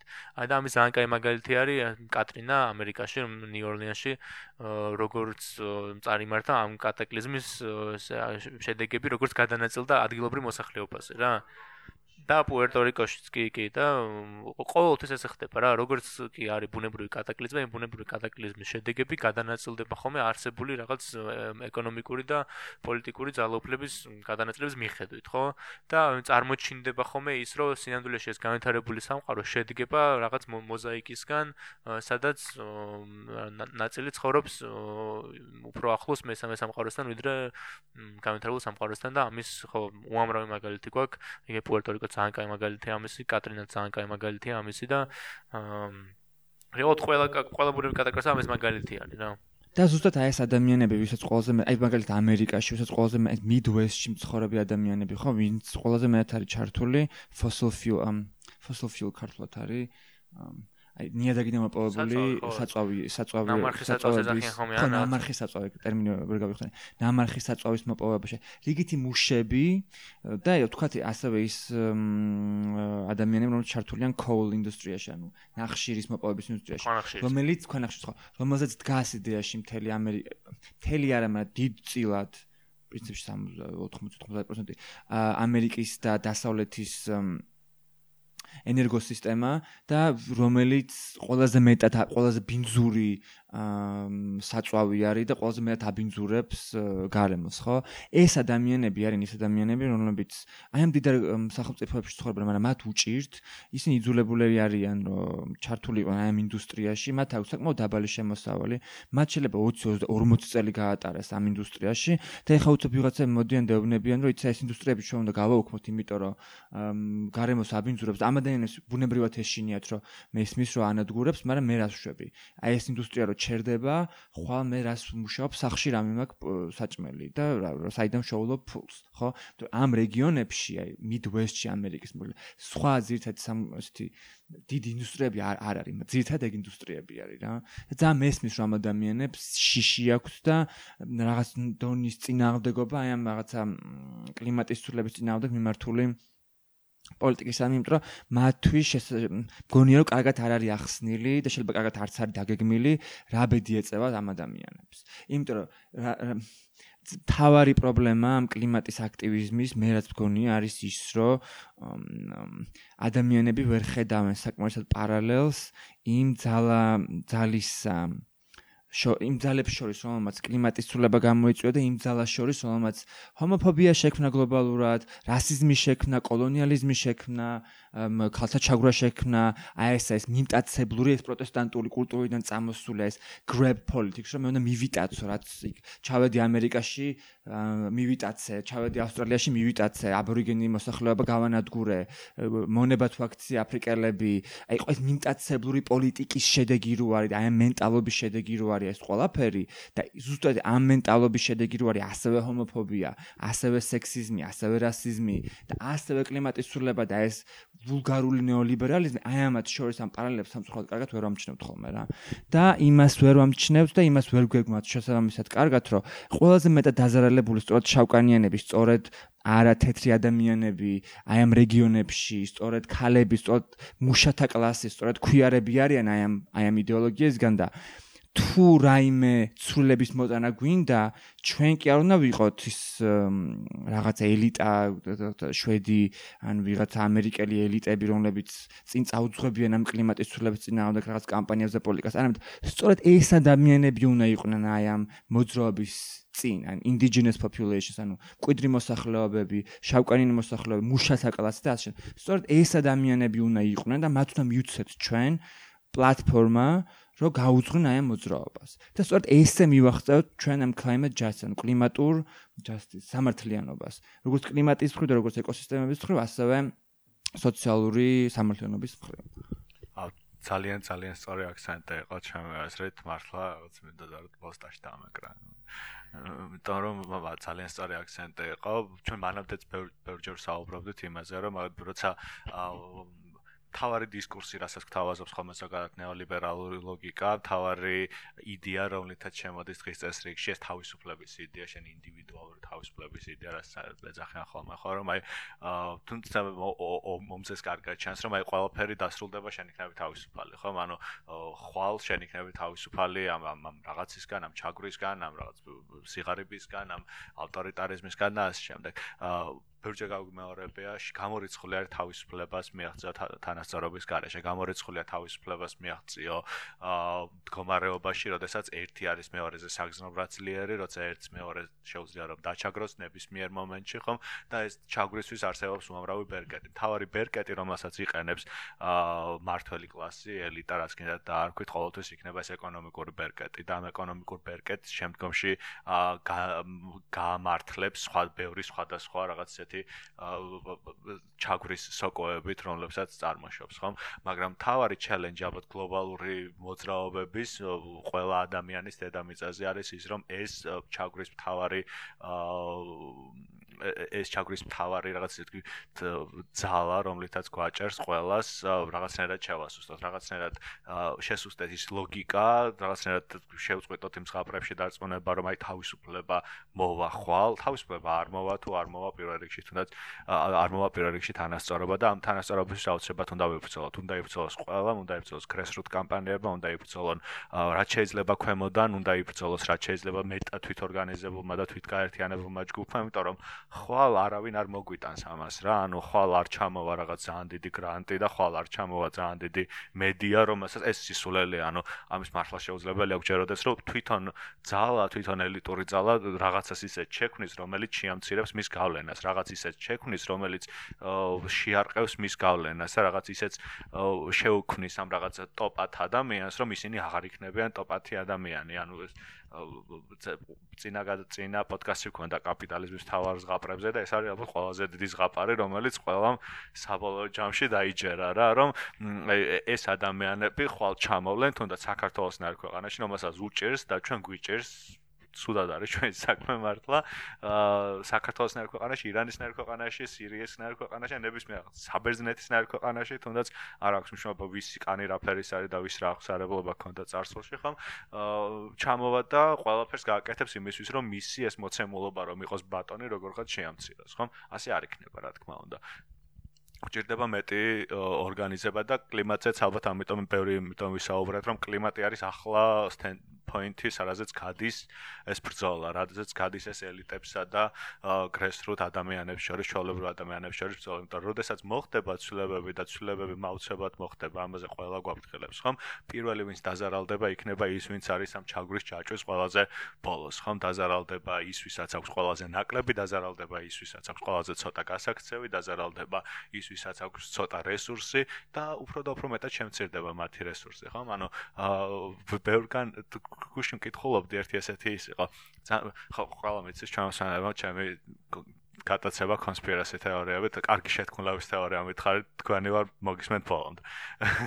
გუშინ გუშინ კითხულობდი ჩვენ ესეთ კარგი კონსპირაცია თეორია იყო, რომ ნეოლიბერალიზმი არის იყო თავიდანვე მოგონებული როგორც ასე ვთქვათ სტრუქტურული იდეა, რომ აღედგინა ასე ვთქვათ ფეოდალური ჩაგვრის სტატუს კვო რა, ანუ რომ როდესაც ასე ვთქვათ საფრანგეთის რევოლუციამ შემდგომში რაღაც რევოლუციამ ევროპის ევროპაში ბურჟუაზიულმა რევოლუციამ რომელსაც შეარყია ეს ფეოდალური სტატუს კვო შემდგომში ადამიანებმა რომლებსაც ჰქონდათ დიდი ძალაუფლება გადაწყვეტეს ისევ რომ აი როგორღაც ასეთი დამოკიდებულება ელიტას და ხალხს შორის როგორღაც უნდა აღდგეს და ამისთვის მოიგონეს ესეთი სისტემა, რომელიც ერთ-ერთს დაკეთებს არის ამ gaps თანასწორ უთანასწორობის უფრო და უფრო ყოველწლიურად, ყოველ 10 წელიწადში, ყოველ საუკუნეში უფრო და უფრო მეტად არცელებს და უფრო უარეს ხდის ამ სიტუაციას. და ამას დაარქვეს თავისუფლება, ფეოდალიზმს გადაარქვეს თავისუფლება და მარკეტინგულად გვასაღებენ, ანუ აი მარქსიც ხო წერს ხო როგორ მოხდა ეს პრივატიზაცია, როგორ როგორ არის თავარი იარაღი იმისი რომ ადამიანებს ჩამოართვა ყველაფერი და ჩააგდო ისეთ პირობებში, რომ მათ გასაყიდი ქონდეს არაფერი გარდა მისი სამუშაო ძალისა. ეს ეხება ადამიანების დამონება. ეს ეხება ადამიანებს ამ კაპიტალისტური ფერხულში ჩაბმა და შემდეგ უკვე იმიტომ რომ ადამიანებს არაფერი არ აქვთ გასაყიდი გარდა საკუთარი სამუშაო ძალისა, ისინი იძულებული არიან რომ გადარჩენის მიზნით გემსახურონ და ემსახურონ შენი კაპიტალის გაძლიერებას. და კაპიტალიზმის მთელი იდეა დგას იმაზე, ანუ მარტივი მათემატიკა არის კაცო და მარქსიც აღწერდა ამაგას და უამრავი ისე ას მარქსიც არ გჭირდება ისე ძალიან მარტივი არის ხო? რომ კაპიტალიზმის მთელი ლოგიკა არის მოგებაზე ორიენტირებული. ხო მოგებაზე ორიენტირება ავტომატურად ანუ ყველანაირი ლოგიკით მოიტანს იმას რომ კაპიტალი და ზოგადად ფული დაგროვდება აუცილებლად ვიწრო ელიტის ხელში ხა სხვანაირად მათემატიკა არის მართლა და არის მუშაობს ეს რა. და ხედავთ ამ ამ შედეგებს რომ მთელი მსოფლიოში რაღაცა აქამდე თუ რაღაც დასავლეთი რაღაც წინა საუკუნეში რაღაც 10 ჯერ თუ 20 ჯერ უფრო მდიდარი იყო ვიდრე დანარჩენი მსოფლიო, ეხა 80 ჯერ უფრო მდიდარი არის ვიდრე დანარჩენი მსოფლიო და აქამდე თუ რაღაცა ესე არ იყო, დღესდღეობით რაღაც 1% იმდენივე ქონებას ფლობს, რომელსაც მსოფლიოს 60 თუ 70%. ისეთ გამაროვებამდე მივიდა მართლა ეს კეფი, რომ Bill Gates, Bill Gates მეორე ყველაზე მდიდარი ადამიანი და ყველაზე მდიდარი ადამიანი 20 წლის განმავლობაში ალბათ სამყაროში Bill Gates-ის კი ამბობდა ბილ გეიტს გამოვიდა საოცარ მემარცხენე გამოწოდებები წვეთში არის ეს ყველაზე ყველაზე გასაოცარი რამე რაც ოდესმე მინახავს. ბილ გეიტსი ამბობდა რომ არ შეიძლება ასე ანუ ის რომ ადამიანების ხელში ესე გროვდებაო თან ხა ეს არ შეიძლება. პირიქით კოხ ბრაზერს და ვიღაცა გროს ხედან იმ ინტერვიუზე გაქვს სამილოს სამილი მულტიმილიონერები კოხები ძანის არიან. კოხ ბრაზერსი ამ ნეოლიბერალური იდეოლოგიის საერთოდ ყველანაირი შემქმნელები არიან და მასეც ვისაუბრეთ ადრე. მე ბლუმბერგიც ის საქართველოსი ყოლზე, მაგრამ ხო ბილ გეიტსიც კი ამბობდა, რომ ეს არის უსამართლო, ანუ არ შეიძლება ადამიანების ხელში მოექცეს ასეთი ამდენად მეტი რესურსი, იმიტომ რომ უბრალოდ არ არის საჭირო რომ კონდეთ, ანუ 100 მილიარდ დოლარს ალბათ ვერასდროს ვერ დახარჯავ მართლა, აი ანუ სისტემა რომელიც ქმნის ასეთ უთანასწორობას არ არის სამართლიანი ხა ამას ბევრი ლაპარაკი არ ჭირდება რა. და ეს ყველაფერი მე უკვე რომ უკვე მითი ხდება რა ხა კაპიტან ბევრი ამბობს ხოლმე და არ ვიცი თქვენ წინა გადაცემაში შეიძლება ვერ მოусმინე მე წესს ერთ გადახვევებით. არ არ მეცალა მაგრამ წესით გქონდათ ხო ერთ-ერთი მითი ეს რა ხა სიგარები დაძლია ამ კაპიტალიზმმა თუ აი ეს სისულელე რომელიც ანუ აბსურდი არის არსად სიგარები არ დაუძლია პირიქით გაზარდა უთანასწორობა და დღესდღეობით გაცლებთ რომ მეტი ადამიანი ადამიანი ცხოვრობს სიგარებაში ვიდრე ერთი საუკუნის წინ, რამდენიმე საუკუნის წინ ხა. ეს თლიანად დაფუძნებული არის სოფლიო ბანკის ძალიან პრიმიტიულ შეფასებაზე სიგარების მაჩვენებელი, რომელიც ზომავს მხოლოდ მხოლოდ დოლარი და 25 დოლარი და 50 ცენტს სიგარებს, დღეს შემოსავალ დღეს დოლარი და 50 ცენტს ნაკლები ვისაც აქვს, მხოლოდ ის იცვლება ღარიბად. ეს არის აბსურდი, იმიტომ რომ ბოლო 30 წლის მერე არ გაზრდილა ეს მაჩვენებელი, ეს დოლარი და 50 ცენტი მაშინ ფასები ყველაფერზე გაზრდილი არის. ეს ერთი, იმიტომ რომ ხელოვნურად წევს რაღაცა უცებ მიხვდება რომ ცოტა ადეკვატურად რო გაზომოს სიგარიბე მიიღებს სასწაულ ციფრს და ამიტომ ხელოვნურად წევს ამ ციფრებს სოფლიო ბანკი ეს ერთი. და მე მეორე დოლარი 50 ცენტი დღეში საერთოდ ვერ იჭერს განვითარებულ დიდარ ქვეყნებში სიგარებს. ახლა ამერიკაში დოლარი 50 ცენტი კი არა, 5 დოლარიც რო დღეს შემოსავალი, მაინც ღატაკი ხარ. ქუჩა შეიძლება გეძინოს და დოლარი 50 ცენტი ნიშნულში ვერ მოხვდები. ანუ თელ დასავლეთში სიგარებს საერთოდ ვერ ექცევა ამ სიგარების მაჩვენებელში და ასევე აი ჩვენერი ქვეყნებში შეიძლება ჩვენერი ქვეყნების სიგარებს კი შეიძლება ვერ მოექცეს. ეგეთ სიგარებს ეგ არის აღებული აი ტანზანიაზე და ინდონეზიაში, აი ყველაზე გაჭირვებულ ქვეყნების სიგარებებზე და მარტო იმ სიღარიბეზე რომ სიამდვილეში ხა თბილისში რო ცხოვრობ და ორი ლარი რო გაქვს ან სამი ოთხი ლარი რო გაქვს დღეს შემოსავალი. აი რომ მუშაობ ხა სპარში და 300 ლარი რო არ შენი ხალხი აი ეს ეს სიღარიბე არ იქნება სიღარიბე იმიტომ რომ ლოგიკით ანუ შეგიძლია ჭამო. ანუ ეს ან დოლარი 50 ცენტზე მეტი შემოსავალი ხაჭაპურის ინდექსი ხო ვიცი ეს ნეოლიბერალური think tank-ები რომ ავრცელებენ საქართველოში აქვს ესეთი განსაზღვრა სიღარიბის კი არა ეს რა რა რას წარქმევ. აა ხაჭაპურის ინდექსი არის, ანუ სხვადასხვა საქართველოს სხვადასხვა ტერიტორიაზე ხაჭაპურის გაკეთება რა დაგიჭდება რა. ერთი ხაჭაპურის იმერული ხაჭაპური რა გამოაცხო და ნუ ითვლიან ეს ბოლოს რაც ნახე იყო რაღაც ლარი და 70 თეთრი არის საჭირო. ქუთაისი არის ყველაზე იაფიანი ქალაქი ესე გამოვიდა ლარი და 70 თეთრად გამოაცხო ერთ იმერულ ხაჭაპურს. აა თბილისში არის სადღაც ორ ლარამდე იმერული ხაჭაპური. მე ვიღაცებს ან Facebook-ზე ვკითხობ ეს ცოტა ხო, ანუ ესეთ ლიბერტარიან დისკუსიას, რომ ამბობდნენ, რომ ქუთაისშიო იაფი იმიტომ არისო, რომ იმერეთიაო და იმერული ხაჭაპური არასწორად არისო დათვლილია და ერთმანეთს ეჭუბებოდნენ ამ ყველაფერზე. ძანესავი ჯეკი რომ ეთქი ვაიმე. ხო, მაგრამ ნუ აბსოლუტურად მართალი ხარ, რასაც ამბობ. კი, ასეთი ასეთი ნიშნულებით განსაკუთრებით, ნუ თვალს უხვევთ რა ერთმანეთს და ვცდილობთ რომ არ დავიჯეროთ რა მდგომარეობაში ცხოვრობ. არა კაცო, მსოფლიო ბანკის იდეოლოგიური ხერხი არის კაცო ეს რომ თქვას რომ ჩემი პოლიტიკა ეს ნეოლიბერალური პოლიტიკა ამართლებს და აგრესიულებს მაგისტვის გამოიყენება თორე. სინამდვილეში მეტი მაგას მიზანი არა. იდეოლოგია იდეოლოგიის გასაპრობლემოდ გამოიყენება. ეს უსინდისო ტაქტიკაა და ციფრებით манипуляция.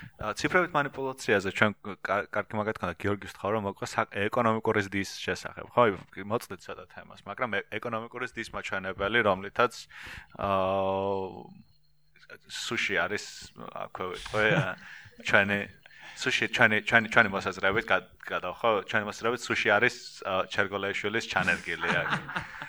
და რა არ გვაცდის პოდკასტების ჩაწერას რაღაც რაღაც რაღაც გარიგებაშია. არა სუშის ნუშევატარებ ხა რაღაც გარიგებაშია ანუ აუცილებლად ყველა ჯერზე ყველა ჯერზე ეს არის დაიძინებს ახლა. კარგი. ხა გიოს გიოსთან გიოს ხო რომ ამაზე გითხეს მე ამაზე გვისაუბრე ადრე ეკონომიკურ სტაზე 2007 2007 წლის საქართველოს გასაოცარ ეკონომიკურ სტის მოჩანებაზე რომელსაც დღემდე იყენებს ლიბერალური GDP-ს კი ლიბერალური ლიბერტარიანული ნაწილი ასე საზოგადოების უფრო როგორც არგუმენტს იმის რომ რა რა კარგი იყო როცა ასე ვიყავით იგივე არგუმენტს ხოთა შორის დღეს შემხვდა დღეს ან საინტერესო საუბარი იყო. კარგი აქცენტი ქონდა ასევე გაკეთებული უნდა თქვა კი შეიძლება წაგიკითხო თქვენს გიოღვინჩილია წერდა სომხეთის ეკონომიკა საქართველოს ხომ აყარვარ ჩვენ თავარი ლიბერალური ქვეყანა რეგიონში არა? ანუ ჩვენი ჩვენი რევოლუცია დამთავრდა. ანუ ახლა სომხეთი არის უკვე რომელიც იწყებს ახალ პრივატიზაციის პოლიტიკებს და სომხეთი იწყებს ახალ განვითარების პოლიტიკას მათ შორის სრდის პოლიტიკას.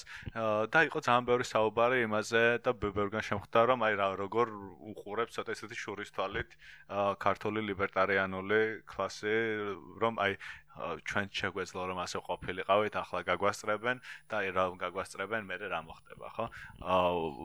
გიო? შენ მოგცემ ახლა მიკროფონს ისაუბრე ამ ყველაფერზე ცოტა მეტი ხო, ანუ ეს წინადაც ვისაუბრეთ ამ იმაზე, რა ქვია, ეკონომიკური. მანდა ერთი რაც არის საინტერესო, ანუ რამდენად ცოტა იქცევა ხოლმე რამდენად ბევრის გამართლების საშუალებად რა.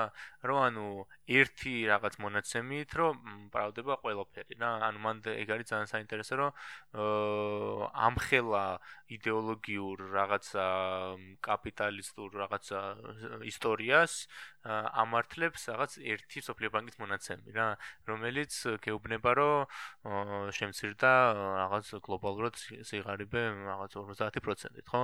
მაშინ როცა შეუძლებელია სოფლიო დაახასიათო ერთი მონაცემით, ხო? მიხედემს რა მონაცემი არის ესა და თან ხო, ნუ აღარ გამიმეორებ ხარ რატო არის თვითონ ეს სიგარების ნადაგში განსაკუთრებით სასაცილო ეს ეს არგუმენტები, ხო? კაპიტალიზმის შექმნა სიგარების ახალი ფორმები საერთოდ, რომლებიც აა დიდი ალბათობით აქამდე არსებულ სიგარის ფორმებს ცილდება თავისი სასტიკითაც და ანუ მხოლოდ კაპიტალიზმში შესაძლებელი იმუშავა ძალიან ბევრი და მაინც იყო ძალიან ღარიბი რა. რაც რაც ისტორიულად იყო ხომ შეუძლებელი კომბინაცია რა. რომ ამდენი გემუშავა და ესეც ცოტა ქონოდა. კაპიტალიზმა შექმნა ხალხი რომელიც მონებზე უარესად ცხოვრობს ხო? ანუ რთული წარმოსადგენია თუ ანუ მოხერხება უნდა და მაგასაც რომ მიგვიღო კლასი ხო მაგალითად უსახლკაროების რომლებიც დღეს უარესად ცხოვრობენ ხო? ვიდრე მონები. და მას მოხერხება უნდა რომ შექმნა კლასი რომელიც კიდევ უფრო უარესად არის ვიდრე რაღაც მონები იყვნენ რაღაც მე-15 საუკუნეში.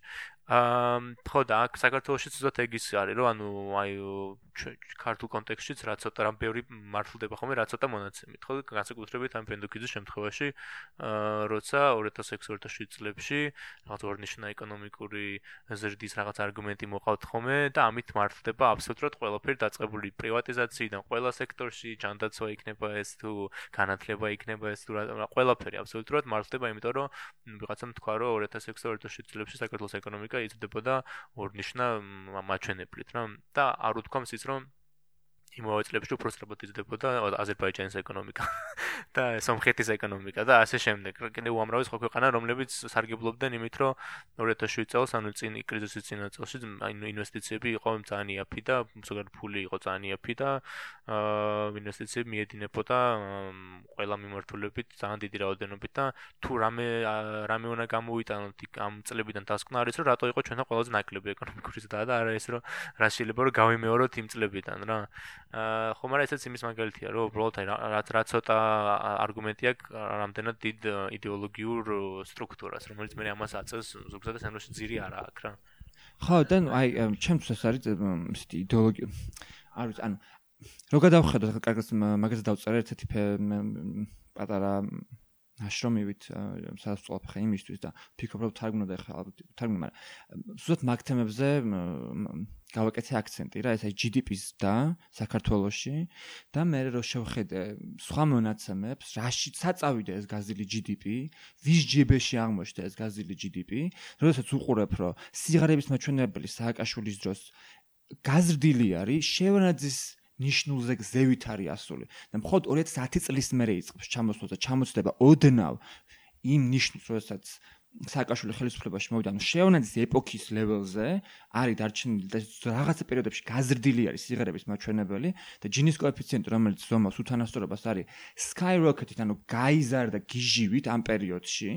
ანუ ეს ნიშნავს იმას რომ გაზრდილი GDP ეს რაც ორ ნიშ ორციფრიანი ნიშანი რომელსაც გვადებილებდა თამარა ჩარგოლეიშვილის და ბენდუქიძის რას იდეოლოგიური მანქანა და გვატყუებდა რომ ეს არის კარგი და ამით ხო თქვა უნდა მოითმინოთ კაცო და ოდესღაც ყველანი კარგად ვიცხოვრებთ სიამდვილეში წავიდა რაღაც ელიტის ხელში TBC ბანკი და საქართველოს ბანკი გამდიდრდა და ვიღაცები აი ამ ვიღაცა მილიონრების გამდიდრებით და ადამიანების უარ სიღარიბეში და უთანასწორობაში ცხოვრებით მ ცხოვრებაზე ჩვენ გვიყვებოდნენ მითებს რომ ეს იყო ყოველთვის კარგი და სიამდვილეში ეს ყველაფერი იყო გაცილებით შეიძლება ცუდიც კი იმიტომ რომ ადამიანებს აი ეს ხო ზრდის რაღაცა როდესაც კაპიტალიზმი შემოდის როდესაც მეტი კონსუმერის ეს კომოდიტის ეს პროდუქტები შემოდის ადამიანებს ეზდებათ ხო მადა რა იმიტომ რომ ეს კონსუმერიზმი ხდება ჩვენი სოციალური თანამონა სოციალური აქტიურობის და თანამონაწილეობის რაღაცა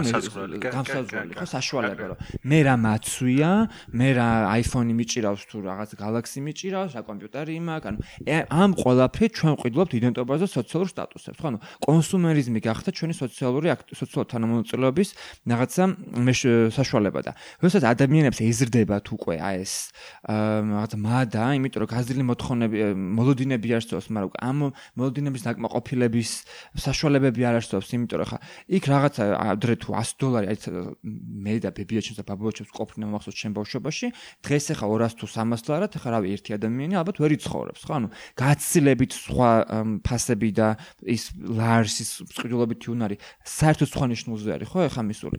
და სწორედ აი ეს იწევს კიდე ალბათ აი ამ ზუსტად აი ამ რადიკალიზაციას ამ ფაშისტური მოძრაობების და რადიკალური მოძრაობების გაჩენას იმიტომ რომ ადამიანებს დარჩათ არაფერი საამაყო გარდა იმისა რომ იამაყონ რაღაცა თავიანთი რაღაცა.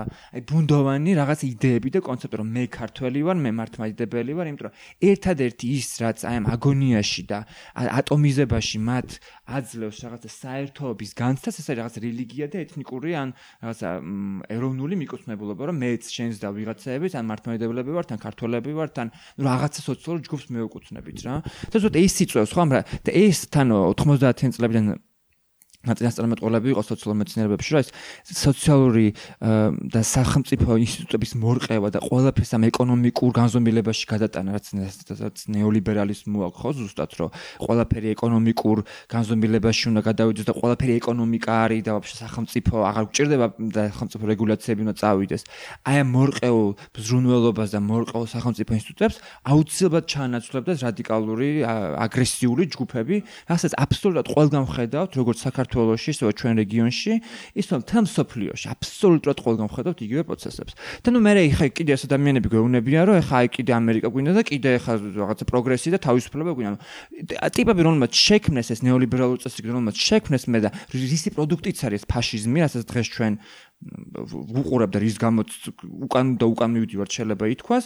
კიდე იგივე ფერხულში ჩაბმას გვთავაზობენ ამის გადასარჩენად თავისუფლების გამორჩენებელი საზოგადოებები თუ სირცხვილიას აქტივისტები თუ ასე შემდეგ. ანუ აი იგივე წრეზე გვეუბნებიან რომ შევიდეთ და ნუ არ არის ეს ეს ეს გზა სწორი და არსად არც ერთ ქვეყანაში არ მიუყვანი ამას რაღაცა იმამდე და ხედავთ იგივე დასავლეთში სერიოზულად მძლავრობს ფაშისტური და ტრამპი და კონსერვატორები და ისინი მოდიან პანტაპუნტით თელ დასავლეთში ხა მეტი რაღა შეიძლება თელ ლიბერალურ დემოკრატიას თვითონვე უთხრის ლიბერალურ დემოკრატიას ძირს. კი იმიტომ რომ ანუ ტრამპი პირდაპირ შეგვიძლია როგორც far right ლიდერი დაახასიათა თქვა მე სხვა რაფერი არ არის far right ლიდერი ტრამპის გარდა რა ვიცი არც ბრიტანელი კონსერვატორები გამოირჩევიან დიდად ლიბერალიზმით განსაკუთრებით კონსერვატორ უბრალოდ კონსერვატიულ პარტიას ბრიტანეთში ბევრი ფრთა აქვს იქ რაღაც ბევრი მოსაზრებებია ახლა რომელიც არის კონსერვატიული ნაწილი მას არაფერი არ აქვს საერთო ლიბერალიზმთან. იტალიაში ძალიან ძლავრი მოძრაობა აქვს მაგათაც სალვინის, ამის გარდა ნუ ძლიერდებიან თუნდაც ავსტრიაშიც და ამ შემდეგ. ხო, ანუ ყველგან ხედავთ რაის ფარაიტის და ფარაიტის ფარაიტის გაძლიერება ხედავთ ამას საქართველოსში პირველ რიგში ხომ ანუ ამაზე ამაზე ნათლად რაღაც სხვა გავიხედოთ ხომ ანუ ბოდიში პატარა რაღაც შევამოთ არა მარტო პოლიტიკურ დონეზე ანუ პოლიტიკოსების არამედ მუვმენტები ანუ მოძრაობები რადიკალური ფაშტური მოძრაობები რომლებიც ხან გებს დაესხმებიან თავს ხან იმიგრანტებს ხან არ ვიცი აი როგორც ჩვენთან არის ქართული მარშები და ისინი ასევე ძლიერდება არაპოლიტიკურ ლეველზე უფრო აი grassroot ფაშისტური მოძრაობებით. კი, კი, ასე ანუ ამას ყველგან ხედავთ, ანუ მართლა რაღაც შორს გავიხედოთ, ანუ ხედავთ ქართულ მარშს, ქართულ მარშთან ის ფალავანდიშვილის მოძრაობას, აა იქ არიან გაერთიანებული, იქ არ არის გაერთიანებული ელიტა, ხომ? ანუ ამაზე უნდა ვისაუბროთ ხშირად რა. ანუ მე მე ძალიან შორს ვარ ამ ყოლაფრის ისეთი თვალდახოჭორი ლიბერალური კრიტიკისგან, რომ აი ბნელები თუ რაღაც, ხო? აი ასე მარტივად ყოლაფერი არ არის. შეიძლება ვიღაც ბნელია, ვიღაც ნათელი, მაგრამ მარტივად საქმე არ არის რა. იქ არის ჩვეულებრივი ძალიან იმედგაცრუებული ადამიანი, ასევე იმედგაცრუებული თუნდაც იგივე შრომის ლოგიკით, იმედგაცრუებული კაპიტალიზმის ლოგიკით და ასე შემდეგ. ანუ ყველაფერს აქვს თავისი ახსნა.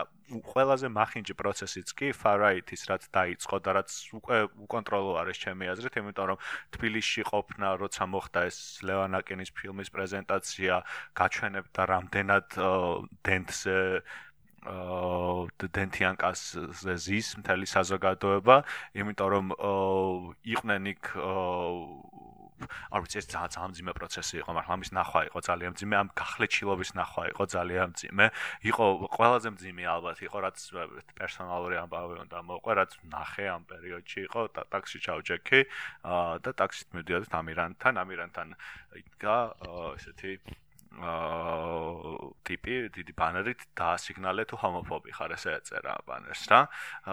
და ხო ანუ ესე ეწერა და ტაქსის ხომა ნუ ხო ტაქსი ჩემა ტაქსის ხომა ესე თელი ძალით დააჭირა ხელი რა ანუ ეს ძალიან ის იყო რა არ იყო სასოციალო მომენტი სხვა შორის ანუ თქვენ მისთვის ეს იყო სხვებთან ბმის და მეც თქვენიანი ვარ სოციალური კავშირების აღდგენის ანუ კი კი კი და ასიგნალებდა ესე ხალხი და გაჩვენებდა შუა ქუჩაში გაჩვენებდა რომ ანუ ყველა ამაყობდნენ ამით თუ რაღაც რა. ანუ ამის ახსნა საჭიროა. ამ ყველაფრის ახსნა საჭიროა და ამ ყველაფრის აი როგორც ლევან მაისაუბრა მანამდე ამ ლოგიკით ახსნა საჭირო არის რა. ანუ საჭირო არის აა კაპიტალიზმის მიმართ ანტაგონისტური ლოგიკით ახსნაც მათ შორის, იმიტომ რომ ადამიანებს ბმა საზოგადოებრივი ბმა უკვე ძალიან ცოტა აქვთ, ხო, მაგრამ უფრო დრო გადის, მით უფრო ცოტა აქვთ, მით უფრო სუსტია საზოგადოებრივი ინსტიტუტები, მით უფრო სუსტია სახელმწიფოებრივი ინსტიტუტები. ჩაგროს ხედავთ ყველაფრიდან, ჩაგროს ხედავთ კლასობრივს, ჩაგროს ხედავთ პოლიციურს, ჩაგროს ხედავთ ავტორიტარულს. ერთადერთი რასაც ეს ჩაგრა წარმოშობს არის უფრო უარესი ჩაგრელი და ეს იქნება ესე რა, ანუ ისტორიამ გვაჩვენა ძალიან ბევრჯერ ძალიან ძალიან მწარე გაკვეთილი, რომ ასე ხდება, გვაჩვენა ფაშიზმი კონკრეტულად გვაჩვენა ჰიტლერი, მუსოლინი, რომელიც და ეს რეჟიმი მოვიდა გაზრდილ ეკონომიკური უთანასწორობის კი, კი, კი, აბსოლუტურად, კი, კი, კი. აა და გვაჩვენებს ამას დღესაც, ხომ? ანუ გვაჩვენებს ახლა დღეს იმდენად უარესად, რომ ეს ადამიანები უკვე გავლენას ახდენენ ისეთი დიდი ქვეყნების პოლიტიკაზე, როგორც ამერიკა მაგალითად და აა ხდებიან პრეზიდენტები, ადამიანები, რომლებსაც აბსოლუტურად იმპულსური გადაწყვეტილებები შეუძლიათ მიიღონ. ამასაც ცხოვრობთ, ალბათ ჩვენ ცხოვრობთ დიპლომატიის სიკვდილის ეპოქაში, დიპლომატიის დიპლომატის არარსებობის ეპოქაში. უკვე როცა ანუ რაღაც ისეთი Twitter-ზე პირდაპირ თრეთებენ რაღაც კარგი სიტყვებით რომ ცდილობენ ხოლმე ადგილ დიპლომატები აეხსნათ ერთმანეთს რომ აი იცით აი რაღაც ჩვენ არ ვთვლით ამას მიზან შეწანილად ან რაღაც. ხო ესე აღარ ხდება. პირდაპირ ტიპი წერს რომ ანუ ყოველას დავბომბო ყოველას დავხოცავ რაღაც და დღეს გონ დღეს ხო ბოდიში ტრამპმა სენატს მიმართა Twitter-ით Twitter-ის სტატუსით. ანუ აი ოფიციალური უკვე ყველაფერი იმაში და ყველაფერი მორბეული არის აბსოლუტურად Facebook-ი Twitter-ზე რაღაც სტატუსები მოკლე მოკლე ეს რაღაცა პრიმიტიული ახსნები ყველანაირი ღრმა სოციალური პრობლემები. უცებ მარტივად ახსნები აი ეს რასაც ეს მოძრაობები და ეს პოლიტიკოსები გვთავაზობს. Facebook-ის და და Facebook-ის და Twitter-ის სტატუსებით განათლება მიღებული ადამიანების იდეოლოგია კი კი და შემდეგ იმათი მე კვლავ წარმოება ამ იდეოლოგიის. ვიღაცას ქონდა ძალიან სწორი რამ ხო გიორგი ნამგალაძემ თქვა გონე წინა პოდკასტზე ანუ ჩვენ ისეთ თავ ისეთ გამარებობაში ვართ მიშიზმის საუკეთესო შეფასება ქონდა რომ ანუ ახლა მივიღეთ მიშიზმი თაობასი რომელსაც არ ახსოვს მიშა ანუ იყო ეგ არის ძალიან ძალიან უცნაურ და არის აბსოლუტურად უცნაურესი მიშიზმი საერთოდ იმიტომ რომ ანუ როცა გახსოვდა სააკაშის გასაკუთრებით ბოლო ავტორიტარული პერიოდი ანუ იქ ძალიან ანტაგონისტური ხან მისი ნებისმიერ პოლიტიკის მიმართ ხო მაგრამ უკვე იღებ თავს რომელსაც ამაზე დაწერილი პოლიტიკური სტატუსები აქვს წარმოდგენილი როგორი იყო მაშინ ცხოვრება როგორი იყო მაშინ ზუსტად ეს თავ რასაც საუბრობთ ამდენ ხანი ეკონომიკური ზრდა ეკონომიკური არგუმენტი როგორ შემცირდა მაშინ სიღარიბე და ამ შემდეგ ხო შუქი მოვიდა და ესეთ რაღაც რაღაცეები მოხდა როგორ გამოჩნდა. აი ხო ანუ ანუ და ამ ადამიანებთან ახლა ეს ადამიანები ახლა საზოგადოებრივი ბრძოლის ავანგარდს წარმოადგენენ რეალურად ხო ანუ ეს ადამიანები წარმოადგენენ საზოგადოებრივი აქტივიზმის აბსოლუტურად პირველ ფრონტს და არ ვიცი სადამდე მივალთ ამით ამ დაპირისპირებებით ესეთი თან ისეთი დაპირისპირებებით რა აი მაგისტრის არის აუცილებელი ზუსტად რომ სირცხვილიაზე თავისუფლების გამორჩეველი საზოგადოების მიღმა სხვა ემანციპატორული და პროგრესული აზრით ისმოდეს ალტერნატიული რა. იმიტომ რომ ეხლა მე როდესაც ვარ რაღაც საშუალო სტატისტიკური ახალგაზრდა ან თუნდაც არა ახალგაზრდა ნუ ვიღაცა საქართველოს მოქალაქე რომელსაც თქვა არ მინდა რაღაცა კონსერვატიულ რეგრესულ ქვეყანაში ცხოვრება და მე მაქვს უფრო მეტად ემანციპატორული იდეები. ერთადერთი ამ იდეების მატარებელი ჯგუფი რომელიც ეხა ჰორიზონტზე ჩანს არის ეგ და ბუნებ და ეხა თან ისიც არის რომ მედიაც მიწყობს ხოლმე რომ მსგავსი ნეოლიბერალური ემანსიპატორული იდეები მქონდეს მეთოში და მეგონოს რომ ეხა ამერიკა კარგია და ევროპა კარგია და აი რაღაც უფრო მეტად კაპიტალიზმში ჩავერბებით მით უფრო კარგი და თანასწორი და ბედნიერი საზოგადოება ვიქნებით. იქ სკოლაში მაგას მასწავლიან უნივერსიტეტში მაგას მასწავლიან მედია მაგას მიკეთებს ის რა ქვია ხელოვნება მაგას მიკეთებს და მე ადგილობრივად ჯგუფები ვინც არიან ერთ-ერთი პროგრესული ხმა ისმის მათი ხმა და ჩვენ აქეთ მემარცხენეები ვინც არიან ეს მემარცხენე ჯგუფები არიან ასევე გადასული სამწუხაროდ ამ ერთმანეთის დაჭმაში და გონია რომ ამით რაღაცას ვთვლით რომ მე რო ეხა შენ გაგლანძღავ Facebook-ზე და შენ რო იმას გალანძღავ და ერთმანეთს აი ომებში Facebook-ზე 20 კაცის ერთმანეთისთვის გალანძღვა თი გონია რომ რაღაცა პოლიტიკას ვთვლით სამდვილეში არავის ეს არ აინტერესებს ხო? ხო და აი ამ აი იმ თემაზე მინდოდა წავსულიყავის აი რითაც რითაც გამოც მოვედი ვაფშე ხო? ეს მემარცხენე მოძრაობა უნდა გავაკეთოთ ხო აი ეს აი ეს აი სანამ აი ეს დაძაბულობა აი ეს რაღაცა ერთმანეთისთვის იმის მტკიცება არ წავა აი მე უფრო სწორი მემარცხენე ვარ ვიდრე შენ და მე უფრო მეტი მარქსისტული ლიტერატურა მაქვს წაკითხული ვიდრე შენ და რაღაცა ეს აი რა ერთ ისევე ინდივიდზე გამოკიდება რომ მე უფრო cool ტიპი ვარ ვიდრე შენ. აი ეს სანამ არ მორჩება და სანამ მართლა არ დავინახავთ იმას, რომ აი მემარჯვენეები შეიძლება ყველაფერში არ თანხმდებიან ერთმანეთში, მაგრამ რაღაც ფუნდამენტურ რაღაცებს თანხმდებიან და საქმეს საქმეზე რომ მიდგება ერთმანეთს გვერდში უდანა ხოლმე და გააქვთ ის პოლიტიკა და ჩვენ აი სულ ერთმანეთის დაჭმაში რო ვართ, ხო შეიძლება მართლა რაღაც ფუნდამენტურ რაღაცებზე მაინც შევთანხმდეთ და ეს შეთანხმება უნდა წამოდეს მართლა გრასრუთ რაღაცებისგან რა.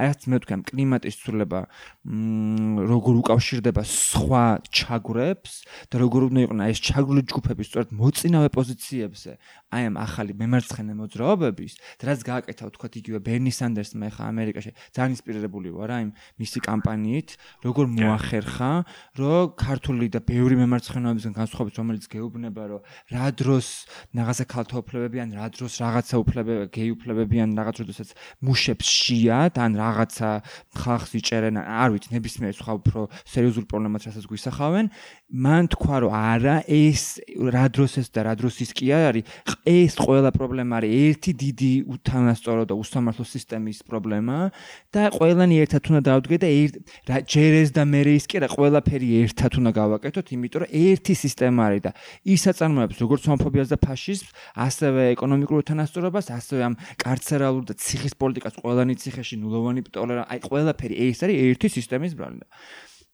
და შედეგი და სანამ აი მართლა ბრძოლებს არ გავაერთიანებთ, ოღონ არა ისე რომ ჯერ შენ ჩაიჩოჩე და ჯერ შენ დროშა ჩაწიე და ჯერ ჩემი უფლებები და მე შენი, არამედ ის რომ ყველა მიხვდებით რომ სოლიდარობა და ყველას უფლებები ერთად და ყველას პრობლემები ერთად, იმიტომ რომ ერთი არის ეს ყველაფერი, ერთი სისტემა არის, იქამდე მგონია რომ ისევ ერთმანეთის დაჭმაში წავალ და ისევ ჩვენ ჩვენი პატარა-პატარა ლოკალიზებული ბრძოლები გვექნება, რაც პრინციპში ესეც ხდება და რაც პრინციპში აჩვენებს რომ ჩვენ ბოლო წლების განმავლობაში რაღაც დიდი შედეგი. ვერც ქვიარ მოძრაობამ ვერც ფემინისტურ მოძრაობამ ვერც ვერა ვერა ვერც თქვა აუდიტორიამ ან თხმო მაგრამ დიდად რაღაც სერიოზული სისტემური ცვლილება. მე მგონი არ შეიძლება ძალიან კრიტიკულად ვუყურებ ამ საკითხს მაგრამ მგონია რომ ვერ მივახციე მე მგონი უკან უფრო დავიხიეთ ბევრ ამაში ვიდრე ანუ ჯამში უფრო მეტი რეგრესი ქონდა ვიდრე პროგრესი განსაკუთრებით ესეც შეიძლება ითქვას კი. იმიტომ რომ აი თუნდაც აი 2009-2010 წელს როცა ჩანასახები ხდებოდა ალბათად 2000-იან წლების ბოლოს უფრო რა ესეთი პროგრესული უფრო მემარცხენე იდეით გამშვალ მოძრაობები საქართველოში კონკრეტულად ხო? აა მაშინ თუნდაც ერთიანობაც და მაშინ შედეგიც შეიძლება იყოს რომ გაცილებით უფრო მეტი იყო. რა კუთხით იცი რომ გაცილებით უფრო მეტი ხალხის მობილიზებასაც კი ახდენდა. ანუ გაცილებით მეტი ადამიანი იზიარებდა ასეთ მიმართულებას. ვიდრე საბოლოო ჯამში გამოვიდა იმიტომ რომ აი რასაც თქვი აი ეს რომ ერთმანეთის მიმართ არასწორმა დამოკიდებულებამ, აი, მაგრამ რომ ვერ გავიაზრეთ, რომ ყველა პრობლემა არის ერთი სათავე და ყველას ერთნაირად უნდა ვებრძოლოთ აბსოლუტურად და არ არის აქ რაღაც პრობლემების გაყოფის დრო და ადგილი, ხომ? და იმის რომ აი ვინ უფრო კარგი მემარცხენე არის მაგის, ხომ? ჯამში გამოიწვია ის, რომ ანუ ძალიან დიდი უნდობლობა გამოიწვია საზოგადოებაში, ახალგაზრდა საზოგადოებაში პირველ რიგში, ახალ სტუდენტურ მოძრაობებში, რომლებიც ყოველთვის უნდა იყვნენ ამ მემარცხენე მოძრაობების ესეთი მთავარი განახლების და გადახალისების წყარო, ხომ? ანუ სტუდენტური მოძრაობები აღარ არის მემარცხენე საქართველოში. ეს არის ამაზე დიდი ტრაგედია, რა უნდა დაემართოს ზოგადად მემარცხენე აზრს, არ ვიცი. აი ფრუსტრაციის გამო. კი, აი რომ აი ნდობა, თუნდაც იგივე ფრუსტრაცია, ასწორე სიტყვა. აა შემცირდა, შემცირდა საბოლოოდ მივედით იქამდე, რომ ანუ ყველა ყველა მიმართულება ჯამში queer აქტივიზმით, ფემინისტური აქტივიზმით, უფლებებისთვის, შრომით უფლებებისთვის აქტივიზმით და ასე შემდეგ, ხო? ანუ გაერთიანდა გაცილებით უფრო ასე მემარჯვენე ცენტრისტულიან, მემარჯვენე ცენტრისტული უფრო მეტად იდეოლოგიის ქვეშ და ასეთი მოძრაობების ქვეშ. გრიგოლ გეგელიას განცხადებას რო კითხავდი და სვიად სვიად კოპრაძე არის ხო? ირაკლი კოპრა, ირაკლი კოპრაძის პროდუქცია, რომელსაც ძალიან დიდი პატივს ამ ირაკლის დიდი გამოსილება აქვს და ესეთი ესეთი ძველი მებრძოლი არის საერთოდ შრომის უფლებებისთვის. მათ განცხადებს რო კითხავდი, იყო რომ როცა შე რატომ შეუერთდით, როცა კითხებოდნენ, იყო რომ ისინი მამუკა ხაზარაძეს იზიარებს იმას, რომ შრომითი უფლება ისევ აი ის პრობლემა რომ აი ეს არის ახლა მნიშვნელოვნად თავარი მემარცხენე შეკითხვა ქვეყანაში რომ მხოლოდ შრომითი უფლებები მოვაგვაროთ არ არის ხომ ასე არა, აბსოლუტურად მესმის რა ხა. ჩაით მაგალითად თვით კრიტიკულად რო ვიყო, აი ეს ტაქსაქსვა, ბევრი პრობლემაა, რა თქმა უნდა, ენჯოიზაცია, დონორების პოლიტიკა იქ, ზოგადად აქტივიზმის ენჯოიზაცია და პროფესიონალიზაცია ამ აქტივისტების, რომლებსაც მე რო ყეს რადიკალური სული ეცვლება ეცლებათ, იმიტომ რომ ხა იქ თანამდებობებზე ვართ შემომჯდარები და ხა თან ეკაბესელიას ამ ვიღაცა პოლიტიკოს ელაპარაკებოდა კონსტრუქციულად პოლიტიკის ცვლილებაზე და თან ხა რადიკალურად კვერცხებს ესროდა გარდან, ხამდენი არ გამოდის, ხო? აი ბევრი ის და მე და რაც თავარია ჩემი აზრით, აი ეს დაქსაქსვა გვაქცევს იმას, რომ ძალიან ლოკალურ პატარა ბრძოლებში გადავდივარ ჩვენ ჩვენ ვიწრო ხედვებში, რაც მგონია რომ მეც შეიძლება ჩემი დამით კრიტიკაც იყოს ძალიან სამართლიანად და გვინდა არ გვინდა ვექცევით აი მაგაზე ნეოლიბერალური დღის წესრიგში გამათავისუფლებელ პატარა პატარა ადგილის გამომყოფ რაღაცა მოძრობას აი სისტემას კი არ ვსურთ არამედ ამ სისტემაში ვცდილობთ რომ პატარა ადგილი შევქმნათ უსაფრთხო სივრცე რომ ამ სისტემაში ისე ძალიან აღარ ვიჩაგრებოდეთ როგორც აქამდე ვიჩაგრებოდით რა. ამ ხო და ეს თუ არ მოვაგვარეთ მართლა არ ვიცი ამას ჭირდება ოღონდ ცოტა მართლა ესეთი დებატები რა თქმა უნდა აუცილებელი არის და იდეები ისე იბადება რომ ერთმანეთთან დებატობს და ყველა სხვა განსხვავებული იდეები შეიძლება კონდეს, მაგრამ ეს არნიშნავს რომ მართლა ერთმანეთი მტრებად უნდა დავინახოთ ყოველ წუთს და ვიღაცას თუნდაც შეიძლება ნაკლებად რადიკალური მემარცხენე იდეები კონდეს, ცოტა მეტად რადიკალური მემარცხენეები კონდეს, ან რაღაცაში შეცდეს ან ასე შემდეგ და ეს ადამიანები ხა მტრები არ არ უნდა იყვნენ რა ჩვენთვის და არ უნდა გადავუაროთ და გადმოვუაროთ და დიალოგი და ანუ ჩვენი მიზანი უნდა იყოს არა ერთმანეთის დაჭმა და არა რაღაც ეპოზიციონირება, არამედ რაღაც მართლა საქმის წინ წაწევა და თუ ამას და მესმის რატომაც წავიდა? იგივე ირაკლი კუპრაძე თუ გრიგოლ გეგელია იმ ნეოლიბერალურ ჩემთვის ნეოლიბერალური ძალა ადამიანი რომელიც გამდიდრდა ადამიანების გაჭირვებაზე და ყველა ბანკი ეგეთი არის ან ბანკის თლიანი იდეა არის ის რომ ადამიანები რომლებსაც ფული არ აქვს იმ მომენტში ან უჭირთ სესხულობენ ბანკიდან ფულს და აი ამ გაჭირვებაზე პროცენტების მეშვეობით ბანკი უკან იღებს მოგებას. ხო ეგ არის მთელი ანუ ყველაზე გაჭირვებულ ადამიანს ხო ვისაც ბევრი ფული აქვს იმას სესხი არც სჭირდება, ხო? ახლა თან მით უმეტეს ახლა საქართველოს საბანკო სისტემას თუ გადავხედავთ, ძირთადად ერთ-ერთი მთავარი წამყვანი სექტორი აქ არის, აი ვიღაცამ 200 და 300 ლარი რომ მოვაკლოთ რაღაც წამლის ფული თვიდან თვემდე ან რაღაც ბავშვის სკოლა შეიყვანეს და იმაზე ფული მოვაკლოთ, ან რაღაცა ძალიან ელემენტარული ყოველდღიური საჭიროებები რომ ვერ დაიკმაყოფილეს, იმიტომ რომ მათი ხელფასი აძლევდა ამის საშუალებას და რაღაც 400 და 500 ლარიანი საკრედიტო ბარათები რო გამოიტანეს და რო ვერ გადაიხადეს და ეს 500 ლარიანი საკრედიტო ბარათები 2000 ლარი რო გახდა ამ გადაცილებული იმის გამო და ამაზე გამდიდრებული და ადამიანების გამოსახლებაზე გამდიდრებული ადამიანი ადამიანის კარგის ახლა სამწუხაროდ არ მჯერა რა ანუ ყველაზე უსინდისო სისტემა არის საბანკო სისტემა ხო? ამ გაჭირ ადამიანების გაჭირებაზე და უბედურებაზე აშენებს თავის კაპიტალს მაგრამ მესმის რატომაც წავიდი, იმიტომ რომ ალტერნატივა არაფერი არ არის. შენ როდესაც ხედავ რომ აქ მართლა ადამიანებს ასახლებენ და იქ რაღაც მართლა ადამიანებს შიათ და ელემენტარული სამშობლოები და რაღაცა მოცემულობები არ არის იმისთვის რომ ადამიანის სამშობლო ადგილზე რომ მივაი თავში რაღაც არ დაეცს და არ მოგწესან არ გადმოვარდეს და მოსახლეობის უდიდეს ნაწილს უჭირს და საშინელ მდგომარეობაში არის და ალტერნატივა რო არის ამ პატარა რაღაცა შეცვალო ან არაფერი ანუ ამ ამოცემულობაში ის პატარა რაღაც ცვლილება მაინც უფრო ღირებული არის რა. მესმის რომ სისტემას თუ ეცვლი და შეიძლება რაღაც გარკვეულწილად უწყობდე კიდევაც სამ სისტემის კვლავწარმოებას ხელს, მაგრამ მეორე ალტერნატივა არის არაფერი, იმიტომ აქეთ ხდება ერთმანეთის ლანძღვა და გინება. და აი აქეთ საერთოდ ვერანაირ პოლიტიკურ ცვლილებაზე ლაპარაკიც კიდევ მეტი არის, აქ მარტო ერთმანეთის ლანძღვაზე ვართ გადასულები და ამიტომ მესმის რატო შეიძლება ამ ადამიან ამ ადამიანებმა თქვენს რომ ეხა ნუ ახა ამ ლანძღვაში და ამ ამ ამოვწურეთ, ანუ არ არის ჩვენთვის საინტერესო და იქნება ამ პატარა მართლა ამ სისტემაში რაღაცა პატარა ცვლილებას მაინც მივახციოთ, რომ თქვათ არ ვიცი, მინიმალურ ხელფასი დაწესდეს ან მართლა სამშობლოები გაიზარდოს ან არ ვიცი, რაღაც რა იდეებითაც შეუერთდნენ ამ პოლიტიკურ ჯგუფს. აა ბერნის კამპანია ჩვენ მანამდეც ვახსენეთ რომ რაღაც როგორც მაგალითი, ხო, მაგრამ რას ფიქრობ რა შეიძლება ვისწავლოთ აქედან? ხო, აი რა, ბევრი რამ არის, რაც კარგი გაკვეთილი შეიძლება ალბათ გამოვიტანოთ, არა მარტო იმის როგორ წარმართოს სწორი პოლიტიკა, არამედ იმის როგორ წარმართოს სწორი კამპანია, ალბათ ყოველასთან ერთად, ხო? ჩემს ხა ბერნის კამპანია არის აი ას კამპანიის ალბათ იდეალი როგორ შეიძლება კამპანია დაიგეგმოს პოლიტიკური და როგორ ამ რამდენად სწორად შეიძლება მესიჯების გაჟღერება. ეხა ბერნიმ რაც გააკეთა ბოლო რამდენიმე 10 ბოლო 10 წლის განმავლობაში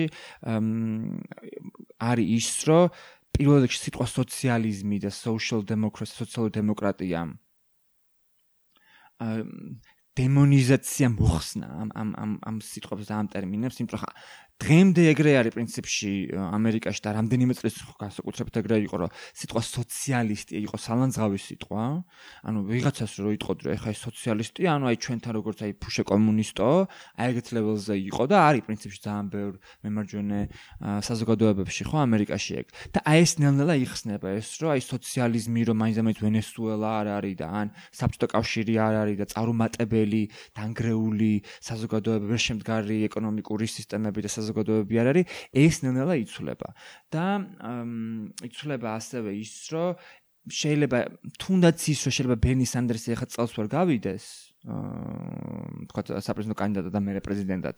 მისი იდეები უკვე არის on the table მაგიდაზე და ეხლა არის ის ეპოქა, როდესაც აბსოლუტურად ყველა დემოკრატი კანდიდატი უკვე მის იდეებს აჟღერებს, რომ უფასო ჯანდაცვა ან ყოველთვის თუ უფასო ჯანდაცვა არა, რაღაცა სისტემური ცვლილება ჯანდაცვაში ის რომ სახელმწიფო დაზღვევა არსებობდეს და 84 მილიონი ადამიანი როგორც დღეს არის ამერიკაში დაზღვეული ან underinsured ქართულად ვერ ხვდები როგორ თქვა, ну, საკმარის დაზღვევის გარეშე პირობებში არ იყოს, თქვათ ის მოცემულობა რომ განათლება არ უნდა ღირდეს ისეთი თანხები რომ მარტო upper middle საშუალოზე მაღალი ან მაღალი კლასის პრივილეგია არის ყოს რომ განათლება იყოს უფლება და არა პრივილეგია. იმიტომ რომ ნეოლიბერალიზმი ხო გვასწავლის რომ რეალურად უფლებები რაც ჩვენ გვაქვს პროდუქტები არის ნუ იყიდო უფლებები კი არ არის პროდუქტები არის. და უფასო განათლებაზე აქვს საუბარი და ადამიანები ხა დღეს ამერიკაში ამთავრებენ 120 და 150000 დოლარიანი სესხით ბაკალავრს და მაგისტრატურას და უკვე წინასწარ დამონებული ხარ ხო ხვდები ანუ წინასწარ უკვე 5000-ან 7000 დოლარი გაქვს სახტელი ყოველთვიურად რომ ეს ვალი გადაფერო წინასწარ გინდა არ გინდა უკვე მოქცეული ხარ სისტემაში ჩაჭერილი ხარ ნუ ერთ-ერთი ყველაზე ჭკვიანური ადამიანების კაპიტალიზმში ჩაჭერის ინსტრუმენტი არის ეს. და დღეს უკვე ბენი სანდერსის ლაპარაკობს და ყველა კანდიდატი უკვე აყვა იმაზე, რომ თქვა განათლება უნდა იყოს უფასო. თქვათ მარიხუანას დეკრიმინალიზაცია და სხვა ნარკოტიკებზეც უკვე დეკრიმინალიზაცია და ზრუნვა კარცერალური საციხო დამსადამჯელო პოლიტიკის ნაცვლად, ხო? იგივე რასობრივი და სხვა უმცირესობების სადმი სამართლიანობა და ის იდეები პრინციპში, რასაც და კლიმატ კლიმატის სამართლიანობა, climate justice, ანუ კლიმატური სამართლიანობა. ის იდეები რაც იდეაში ჩვენ ვიბრძვით და რაღაცა ითვლებოდა რაღაცა რაღაც რადიკალური მემარცხენე რაღაცა სოციალისტური რაღაცა იდეებად დღესდღეობით უკვე მეინსტრიმ იდეებით ჩამოყალიბდა ამერიკის დემოკრატიულ პარტიაში რომელიც ამერიკისთვის კი მემარცხენე ითვლება მაგრამ რეალურად ძალიან ცენტრისტული და პრინციპში შეიძლება ბევრი კუთხით ძალიან მემარჯვენე პარტიაც არის. ამერიკაში ხა დემოკრატების მემარჯვენეები არიან, უფრო ცოტა პროგრესულები არიან. რა თორე ხა ამერიკის მემარცხენეობას მემარჯვენეობა არის. მე რასაც უყურებ ხა ბერნი არის უფრო ცენტრისტი და იმ ფონზე რომ ყველა ძალიან რადიკალურად მემარჯვენე არის, პროსტა იმ ფონზე ჩანს ბერნი სანდერსი, სოციალისტური ხა რეალურად ბერნი სანდერსიც კი არ არის სოციალისტი და ეგეთი რადიკალური მემარცხენე. თქო იმ ფონზე რომ იქ არიან რაღაცა ძალიან გიჟი მარჯვნივ მყოფი ადამიანები იმ ფონზე ჩანს, ხო? ხო და აი ეს მისი კამპანია სადაც მან მოიმხრო და ინდორსმენტი გაუკეთა მას არ ვიცი ეთნიკურმა უმცირესობებმა, რასობრივმა უმცირესობებმა, ქვიარ ადამიანებმა, მუშებმა, კვიდრმა ინდიელმა მოსახლეობებმა და ტომებმა და მათმა ამ კომიუნიტებიდან წამოსულმა ლიდერებმა, ხო, კორნელ ვესტი და სხვადასხვა ინტელექტუალები, ხო, რომლებიც აი ამ ჩაგულ ჯგუფებს მიეკუთვნებიან.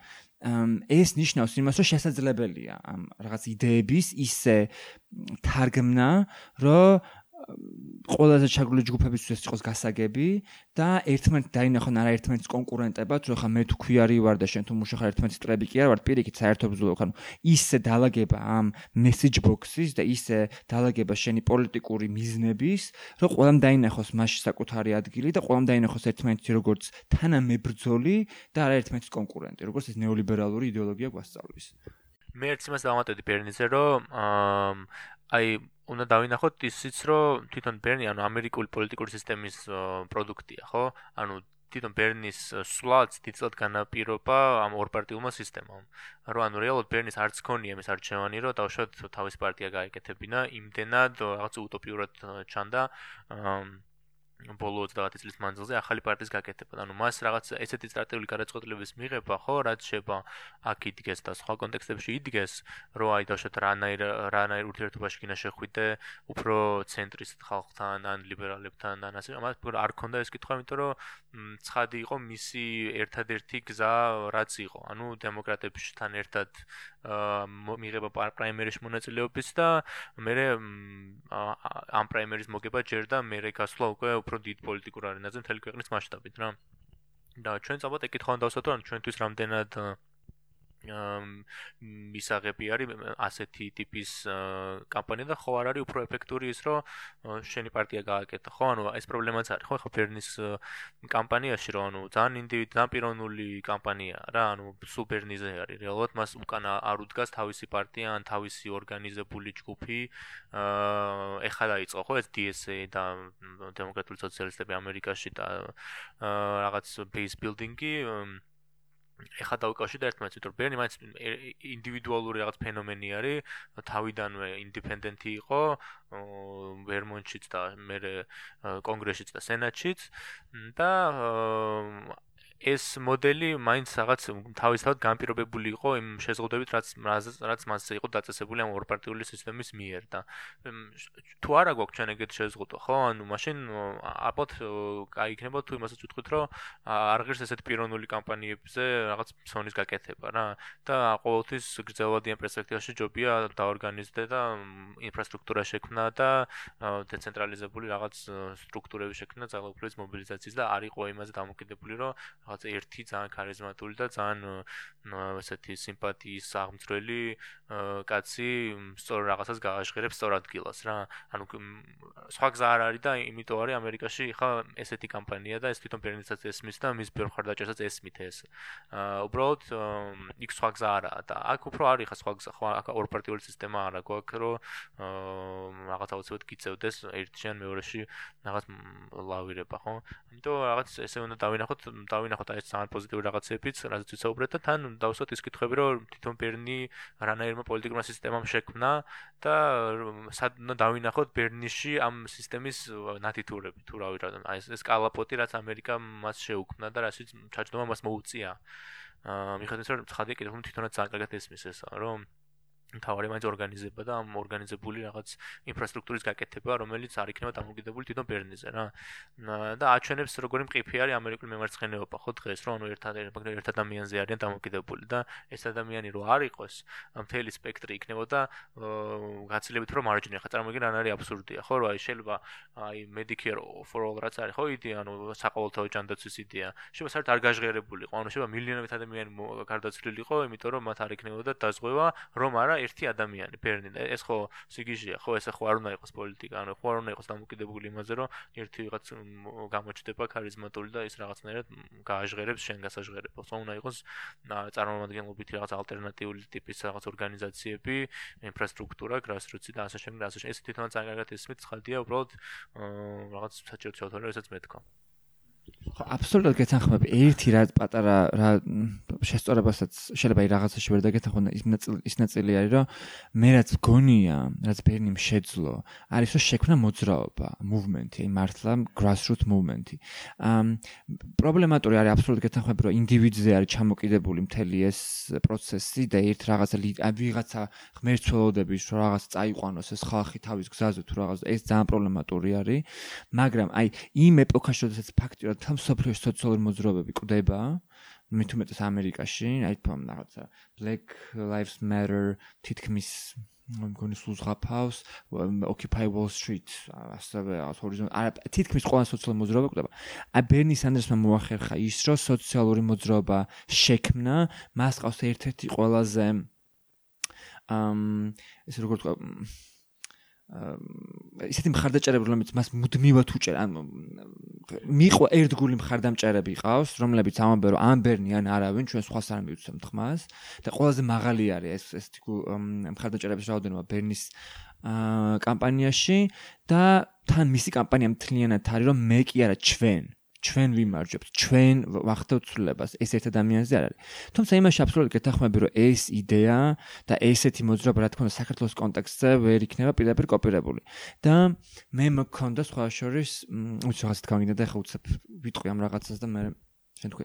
აა ესეთი იდეა, როგორ შეიძლება და იგივე არა, მაგრამ მსგავსი პოლიტიკური მოძრაობის დაწყება საქართველოსში, რომელსაც იდეები იგივე ექნება, ეხა ისეთი ვერ ექნება, იმიტომ რომ ეხა იმათ სხვა შესაძლებლობები აქვს და ხა კლიმატის ცვლილება და ასე შემდეგ ხა ჩვენ ისეთ რეგულაციებს აქ ვერ შემოვიღებთ იმიტომ რომ ხა ჩვენ არანაირი ეგეთი იმპექტი ზეგავლენი არ გვაქვს სოფლიო პროცესებზე და სოფლიო კლიმატზე მაგრამ ნუ ადგილობრივ რაც გვაწუხებს მსგავსი რიტორიკის ჩამოტანა აქ და როგორ შეიძლება ამ ყოფას grassroot მართლა ქვევიდან წამოსული ინიციატივებზე გაკეთება იმიტომ რომ მგონია რომ NGO საქმიანობამ თავისი დრო მოჭამა რა ანუ NGO მაქსიმუმ ჰაჰა რესურსები ეს უბრალოდ რაღაცა სერვისები გასცეს და ერთი და იგივე ადგილით კეპნოს და ნუ რამდენიმე ადამიანს დაეხმაროს მაგრამ ხა სისტემურ ცვლილებას ვერ მიაღწევს და ბოლომ რამდენიმე 10 წლის თუ მეტი არა გამოსწრება მეს გვაჩვენა ხო აი აქ არის პოლიტიკური ბრძოლა მოსაგებით ეს პოლიტიკური ბრძოლა არის მოსაგები მართლა grassroot ამ ტაქტიკით. და ეს grassroot ტაქტიკა შეიძლება იყოს აი ერთ-ერთი ესეთი პროექტი არის Human Rights Cities, რომელსაც წავიკითხე სხვა შორის რამდენიმე თვით და ძალიან ინსპირირებული ვარ და მინდა რომ ვინმე მე იმიტომ რომ საქართველოს ახლა არ ვარ ამას ვერ გავაკეთე მაგრამ ის სხვა მიქნები მე გააკეთოს და ახლა იმიტომ ყვები ამ გადაცემაში რომ იქნებ ვიღაცა ჩემნად ინსპირირებული გახდეს ანუ ეს human rights cities არის ქალაქები აი ამერიკაში და სხვანაირად თქვენ მაგას ქვია sanctuary cities მგონი სადაც მაგალითად undocumented migrants ან migrants რომელსაც რაღაც დოკუმენტები არ გააჩნიათ არ ყრიან არ ემორჩილებიან ამ ფედერალურ რაღაცა პოლიტიკას პოლიტიკას და ვთქვათ აი ნებისმიერ ქალაქში შენ თქვა არადოკუმენტირებული მიგრანტი და ვთქვათ არ ვიცი ხარ ხალი და თქმარი გცემს ვერ მიდიხარ პოლიციაში იმიტომ რომ დეპორტაციის მსხვერპლი გახდები. ან ნუ ვთქვათ ნებისმიერ ეგეთ სერვისს ვერ მიიღებს სახელმწიფო სუ იმალები იმიტომ რომ გეშინია დეპორტაციის ხო?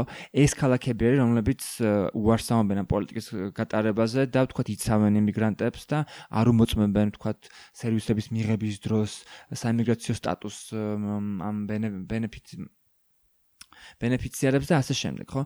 იგივე არის თქვა ბარსელონაში და რამდენიმე ქალაქში არის თქვა ევროპაში, სადაც რაღაცა ის საერთაშორისო ეს რაღაცა კონვენციები და პაქტები და ინსტრუმენტები აქვს იმპლემენტირებული და რაღაცა ადგილობრივი სერვისები აქვს შექმნილი, რა ვთქვათ, იგივე სიდოს კონვენცია აქვს შექმნილი, თქვათ, ქალთა მიმოძრაობის რაღაცა სერვისები არსებობს ამ ქალაქში და ასე შემდეგ, ასე შემდეგ. მთავარი აზრი არის აქ ის, რომ არსებობს რაღაცა ჯგუფები, რომლებიც აი ძალიან ლოკალურ დონეზე იწყებენ grassroot რაღაცა პოლიტიკურ ცვლილების მომტანის რაღაცა აქტივებს. აი თქვათ მაგალითად ახლა წარმოვიდგინოთ, რომ მე და თქვენ რამდენიმე ადამიანი ვიწყებთ ვერაზე, თქვათ მე სამეზობლოების შეკრებას, თქვათ მე იქ ცხოვრობ, შენ იქ ცხოვრობ, შენ აქ ცხოვრობ და აი თქვათ ჩვენი სამეზობლოების შეკრებას ვიწყებთ და ვიწყებთ ამ ადამიანებთან საუბარს რა პრობლემები აქვს ამ უბანში, ხო?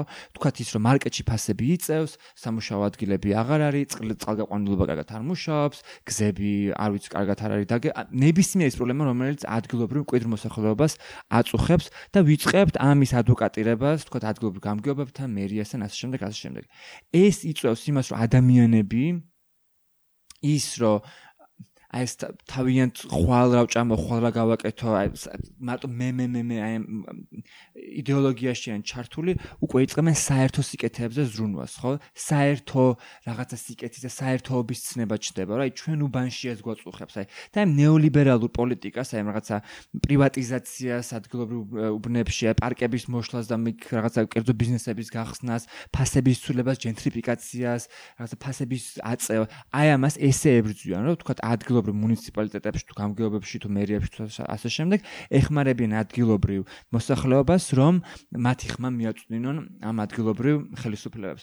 შეიძლება ამან ახლა რაღაც სერიოზული ცვლილება არ გამოიწვიოს, მაგრამ ეს იწვევს იმას, რომ ადგილობრივ მოსახლეობა აქტიურდება, იმიტომ რომ ეხლა თუ გადავხედავთ, თავი პრობლემა ყველა არჩევნებში არის ის, რომ turnout-ი არის ძალიან დაბალი. ადამიანები არ დადიან არჩევნებზე. ფეხზე კიდიათ, იმიტომ რომ ვერამ ვერ ხედავს არჩევნებისგან სარგებელს. ანუ მათთვის სისტემა არის ცვლილება ისე ისე გაჭრებულები არიან, ისე ისე უჭირთ ვიღებთ, ისევ ისე არა აქვთ უფლებებზე ხელმისაწვდომობა, ისევ ისე ყრალ სისტემაში მუშაობენ.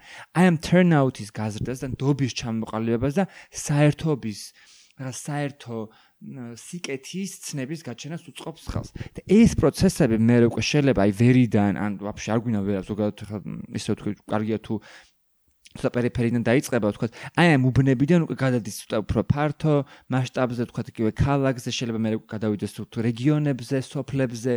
და უკვე რამდენიმე წლის მერე არსებობს ის ბაზა, რომ ადამიანები შენ გენდობიან, გიცნობენ, თან შენი აქტივისტები არიან იმ ადამიანებში, იმ გარემ იმ ლოკალურ სივრცეებში მცხოვრები ადამიანები, რომლებიც თავიანთან მეგობრებს და მეზობლებს ამობილიზებენ, შენ ყოველწამიერ გაქ ამ ადამიანებთან შეხება და რეალურად იცი მათი პრობლემები, შენ კი არ კითხულობს სადაც აკადემიურ სტატიაში ან სადმე რაღაც არ ვიცი რაღაც იმაში, როგორ უნდა მოაგვარო რაღაც პრობლემას, რეალურად გაქ ამ ადამიანებთან შეხება და მართლა ეს grassroot მოძრაობით უკვე შეიძლება მე ჩამოყალიბდეს რაღაც პოლიტიკური პარტია და ამ პოლიტიკურ პარტიას მართლა შეიძლება ქონდეს რაღაცა აა რაღაცა პოტენციალი რომ მართლა ვერ იქნება ნამდვილად ანუ და ეს იქნება მართლა grassroot და არა მართლა ზევიდან ქვევით არამედ პირ მართლა ქვევიდან ზევით წამოსული ინიციატივა რომელიც მართლანდობაზე იქნება დაფუძნებული და მართლა ინტერსექციული იქნება, ანუ ის იქნება, რომ ჩვენ ვიბრძვით არა მარტო რაღაცა კონკრეტული ერთ საკითხზე, არამედ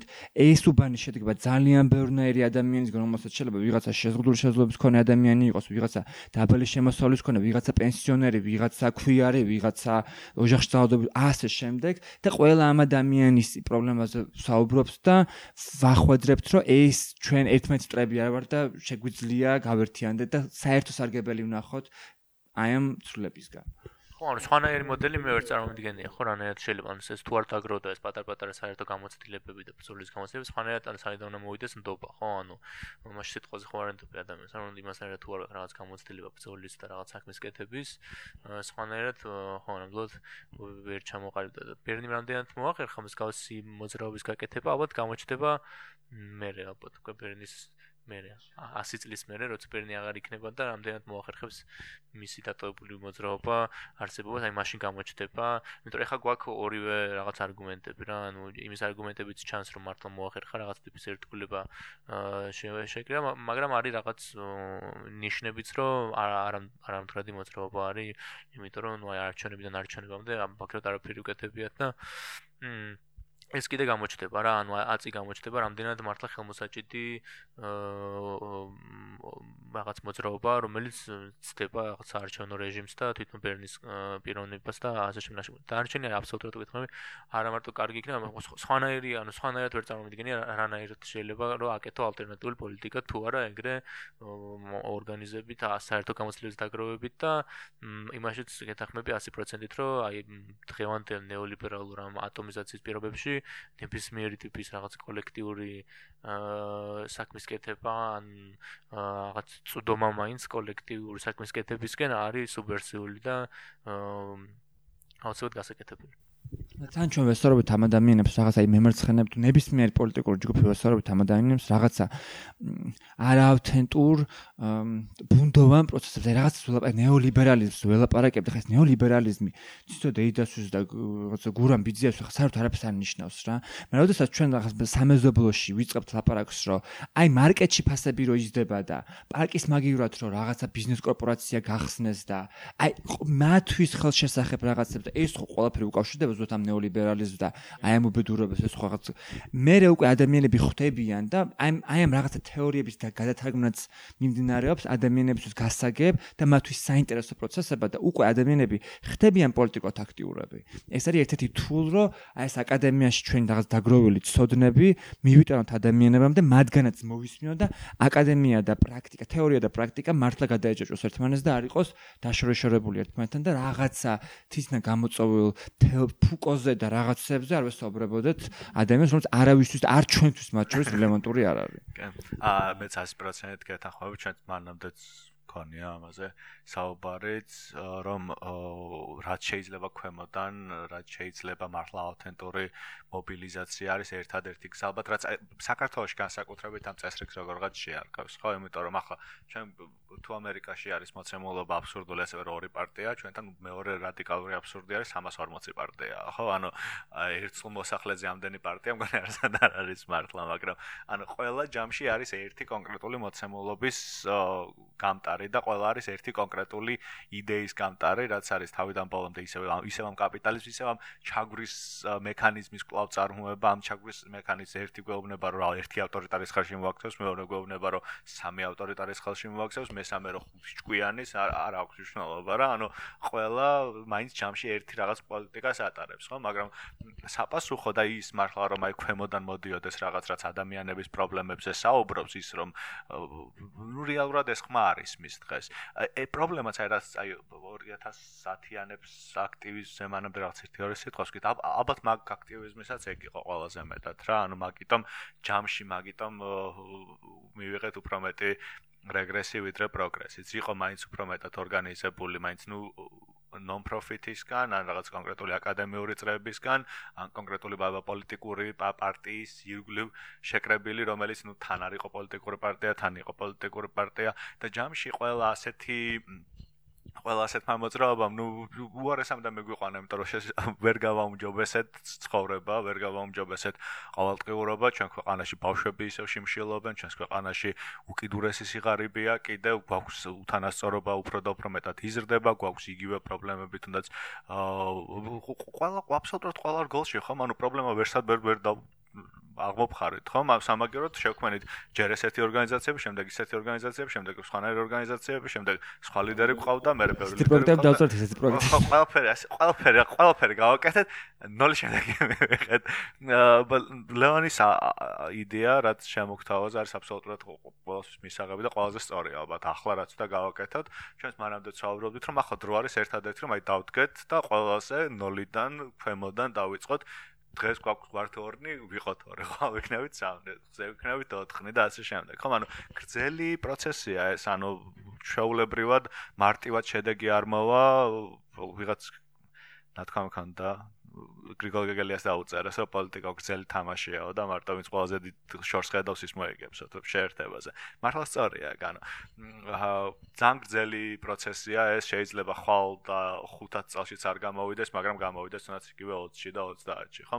აა სხვადასხვა დროს დავინახავთ ამის შედეგებს. ერთადერთი ალბათ სწორი გზა იქნება ის, რომ როგორღაც აი მართლა ქვემოდან რაც შეიძლება ჩვეულებრივ თემებზე ლაპარაკი და ეს ჩვეულებრივ თემები საქართველოს არის უამრავი ეს ჩვეულებრივი პიროვნული ტრაგედიები აა გინდა აგვია უკავშირდება იმ დიდ სისტემას კი რა თქმა უნდა კი ანუ აქედან გამომდინარე ტრაგედიები რომ დედამ ბავშვი მიატოვა იმიტომ რომ საჭმელი არ ქონდა ხომ? რომ აი ეს დღეს კითხობდი აბსოლუტურად საოცარ ამბავს კიდევ ეს რაღაც ესეთი მასკულინური პატრიარქული პატრიარქული ძალადობაზე ორიენტირებული საზოგადოების უდიდესი ტრაგედია. ხო, 3 წლის ბავშვს გაუვარდა მამამისის იარაღით, რაღაც ესეთი და მოკლა 6 წლის ძმა და ანუ ესეთი ამბები ანუ ყველგან არის. დისკურსი არასდროს არ ჩერდება სადღაც. რაღაც ჩვენ მემარცხენე აკადემიისგან განსხვავებით ის არ დგას რაღაც განყენებულად და იქ არ საუბრობს.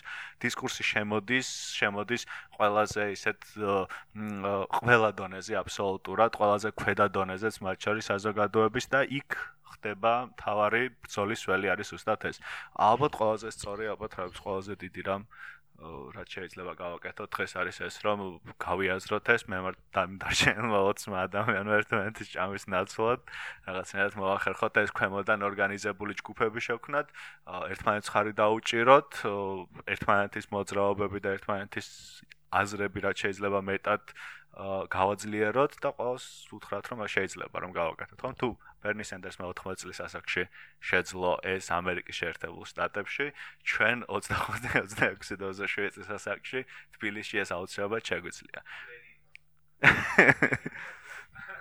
აა დავასრულოთ ამით ეტაპობრივად, ხო ძალიან მადლობას ვეტყვი ლევანსტუმრობისთვის, ძალიან კარგი იყო შენთან საუბარი და კარგია რომ სანამ აქ იყავი მოახერხე და გვეწვია. შემდეგ ზე რეკნებ კიდე გვეწვია. დიდი მადლობა თავმშვიდობები ჩვენს მენელს. დიდი მადლობა რომ გვისმენთ და რა ვიცი we will see you next time რა. ნახვამდის კარგად. ძალიან დიდი მადლობა და იმედია რაღაც ინსპირაციას ვიღაც აქტივისტოს მაინც მივცემ, იმიტომ რომ მე სამწუხაროდ არ ვარ აქ და მედიაზე რაღაც ან მოდიფიცირებულად თუნდაც ამ იდეის იმპლემენტაცია დაიწყო. ან თუნდაც შეიძლება ვიღაც უკეთეს იდეა მოვიდეს, მაგრამ ყოველშაბათი რაღაცა ქმედებას მაინც ჩაუყრის ჩვენი და ეს გადაცემის სხვა აქტივისტების საუბარი და რა ხო იმედი გაგრძელდება ეს პროექტიც და იმედი მართლა მემარცხენეების ცოტა მეტად შევძლებთ რაღაც სისტემური ცვლილებებისკენ ცვლილების მიღწევას.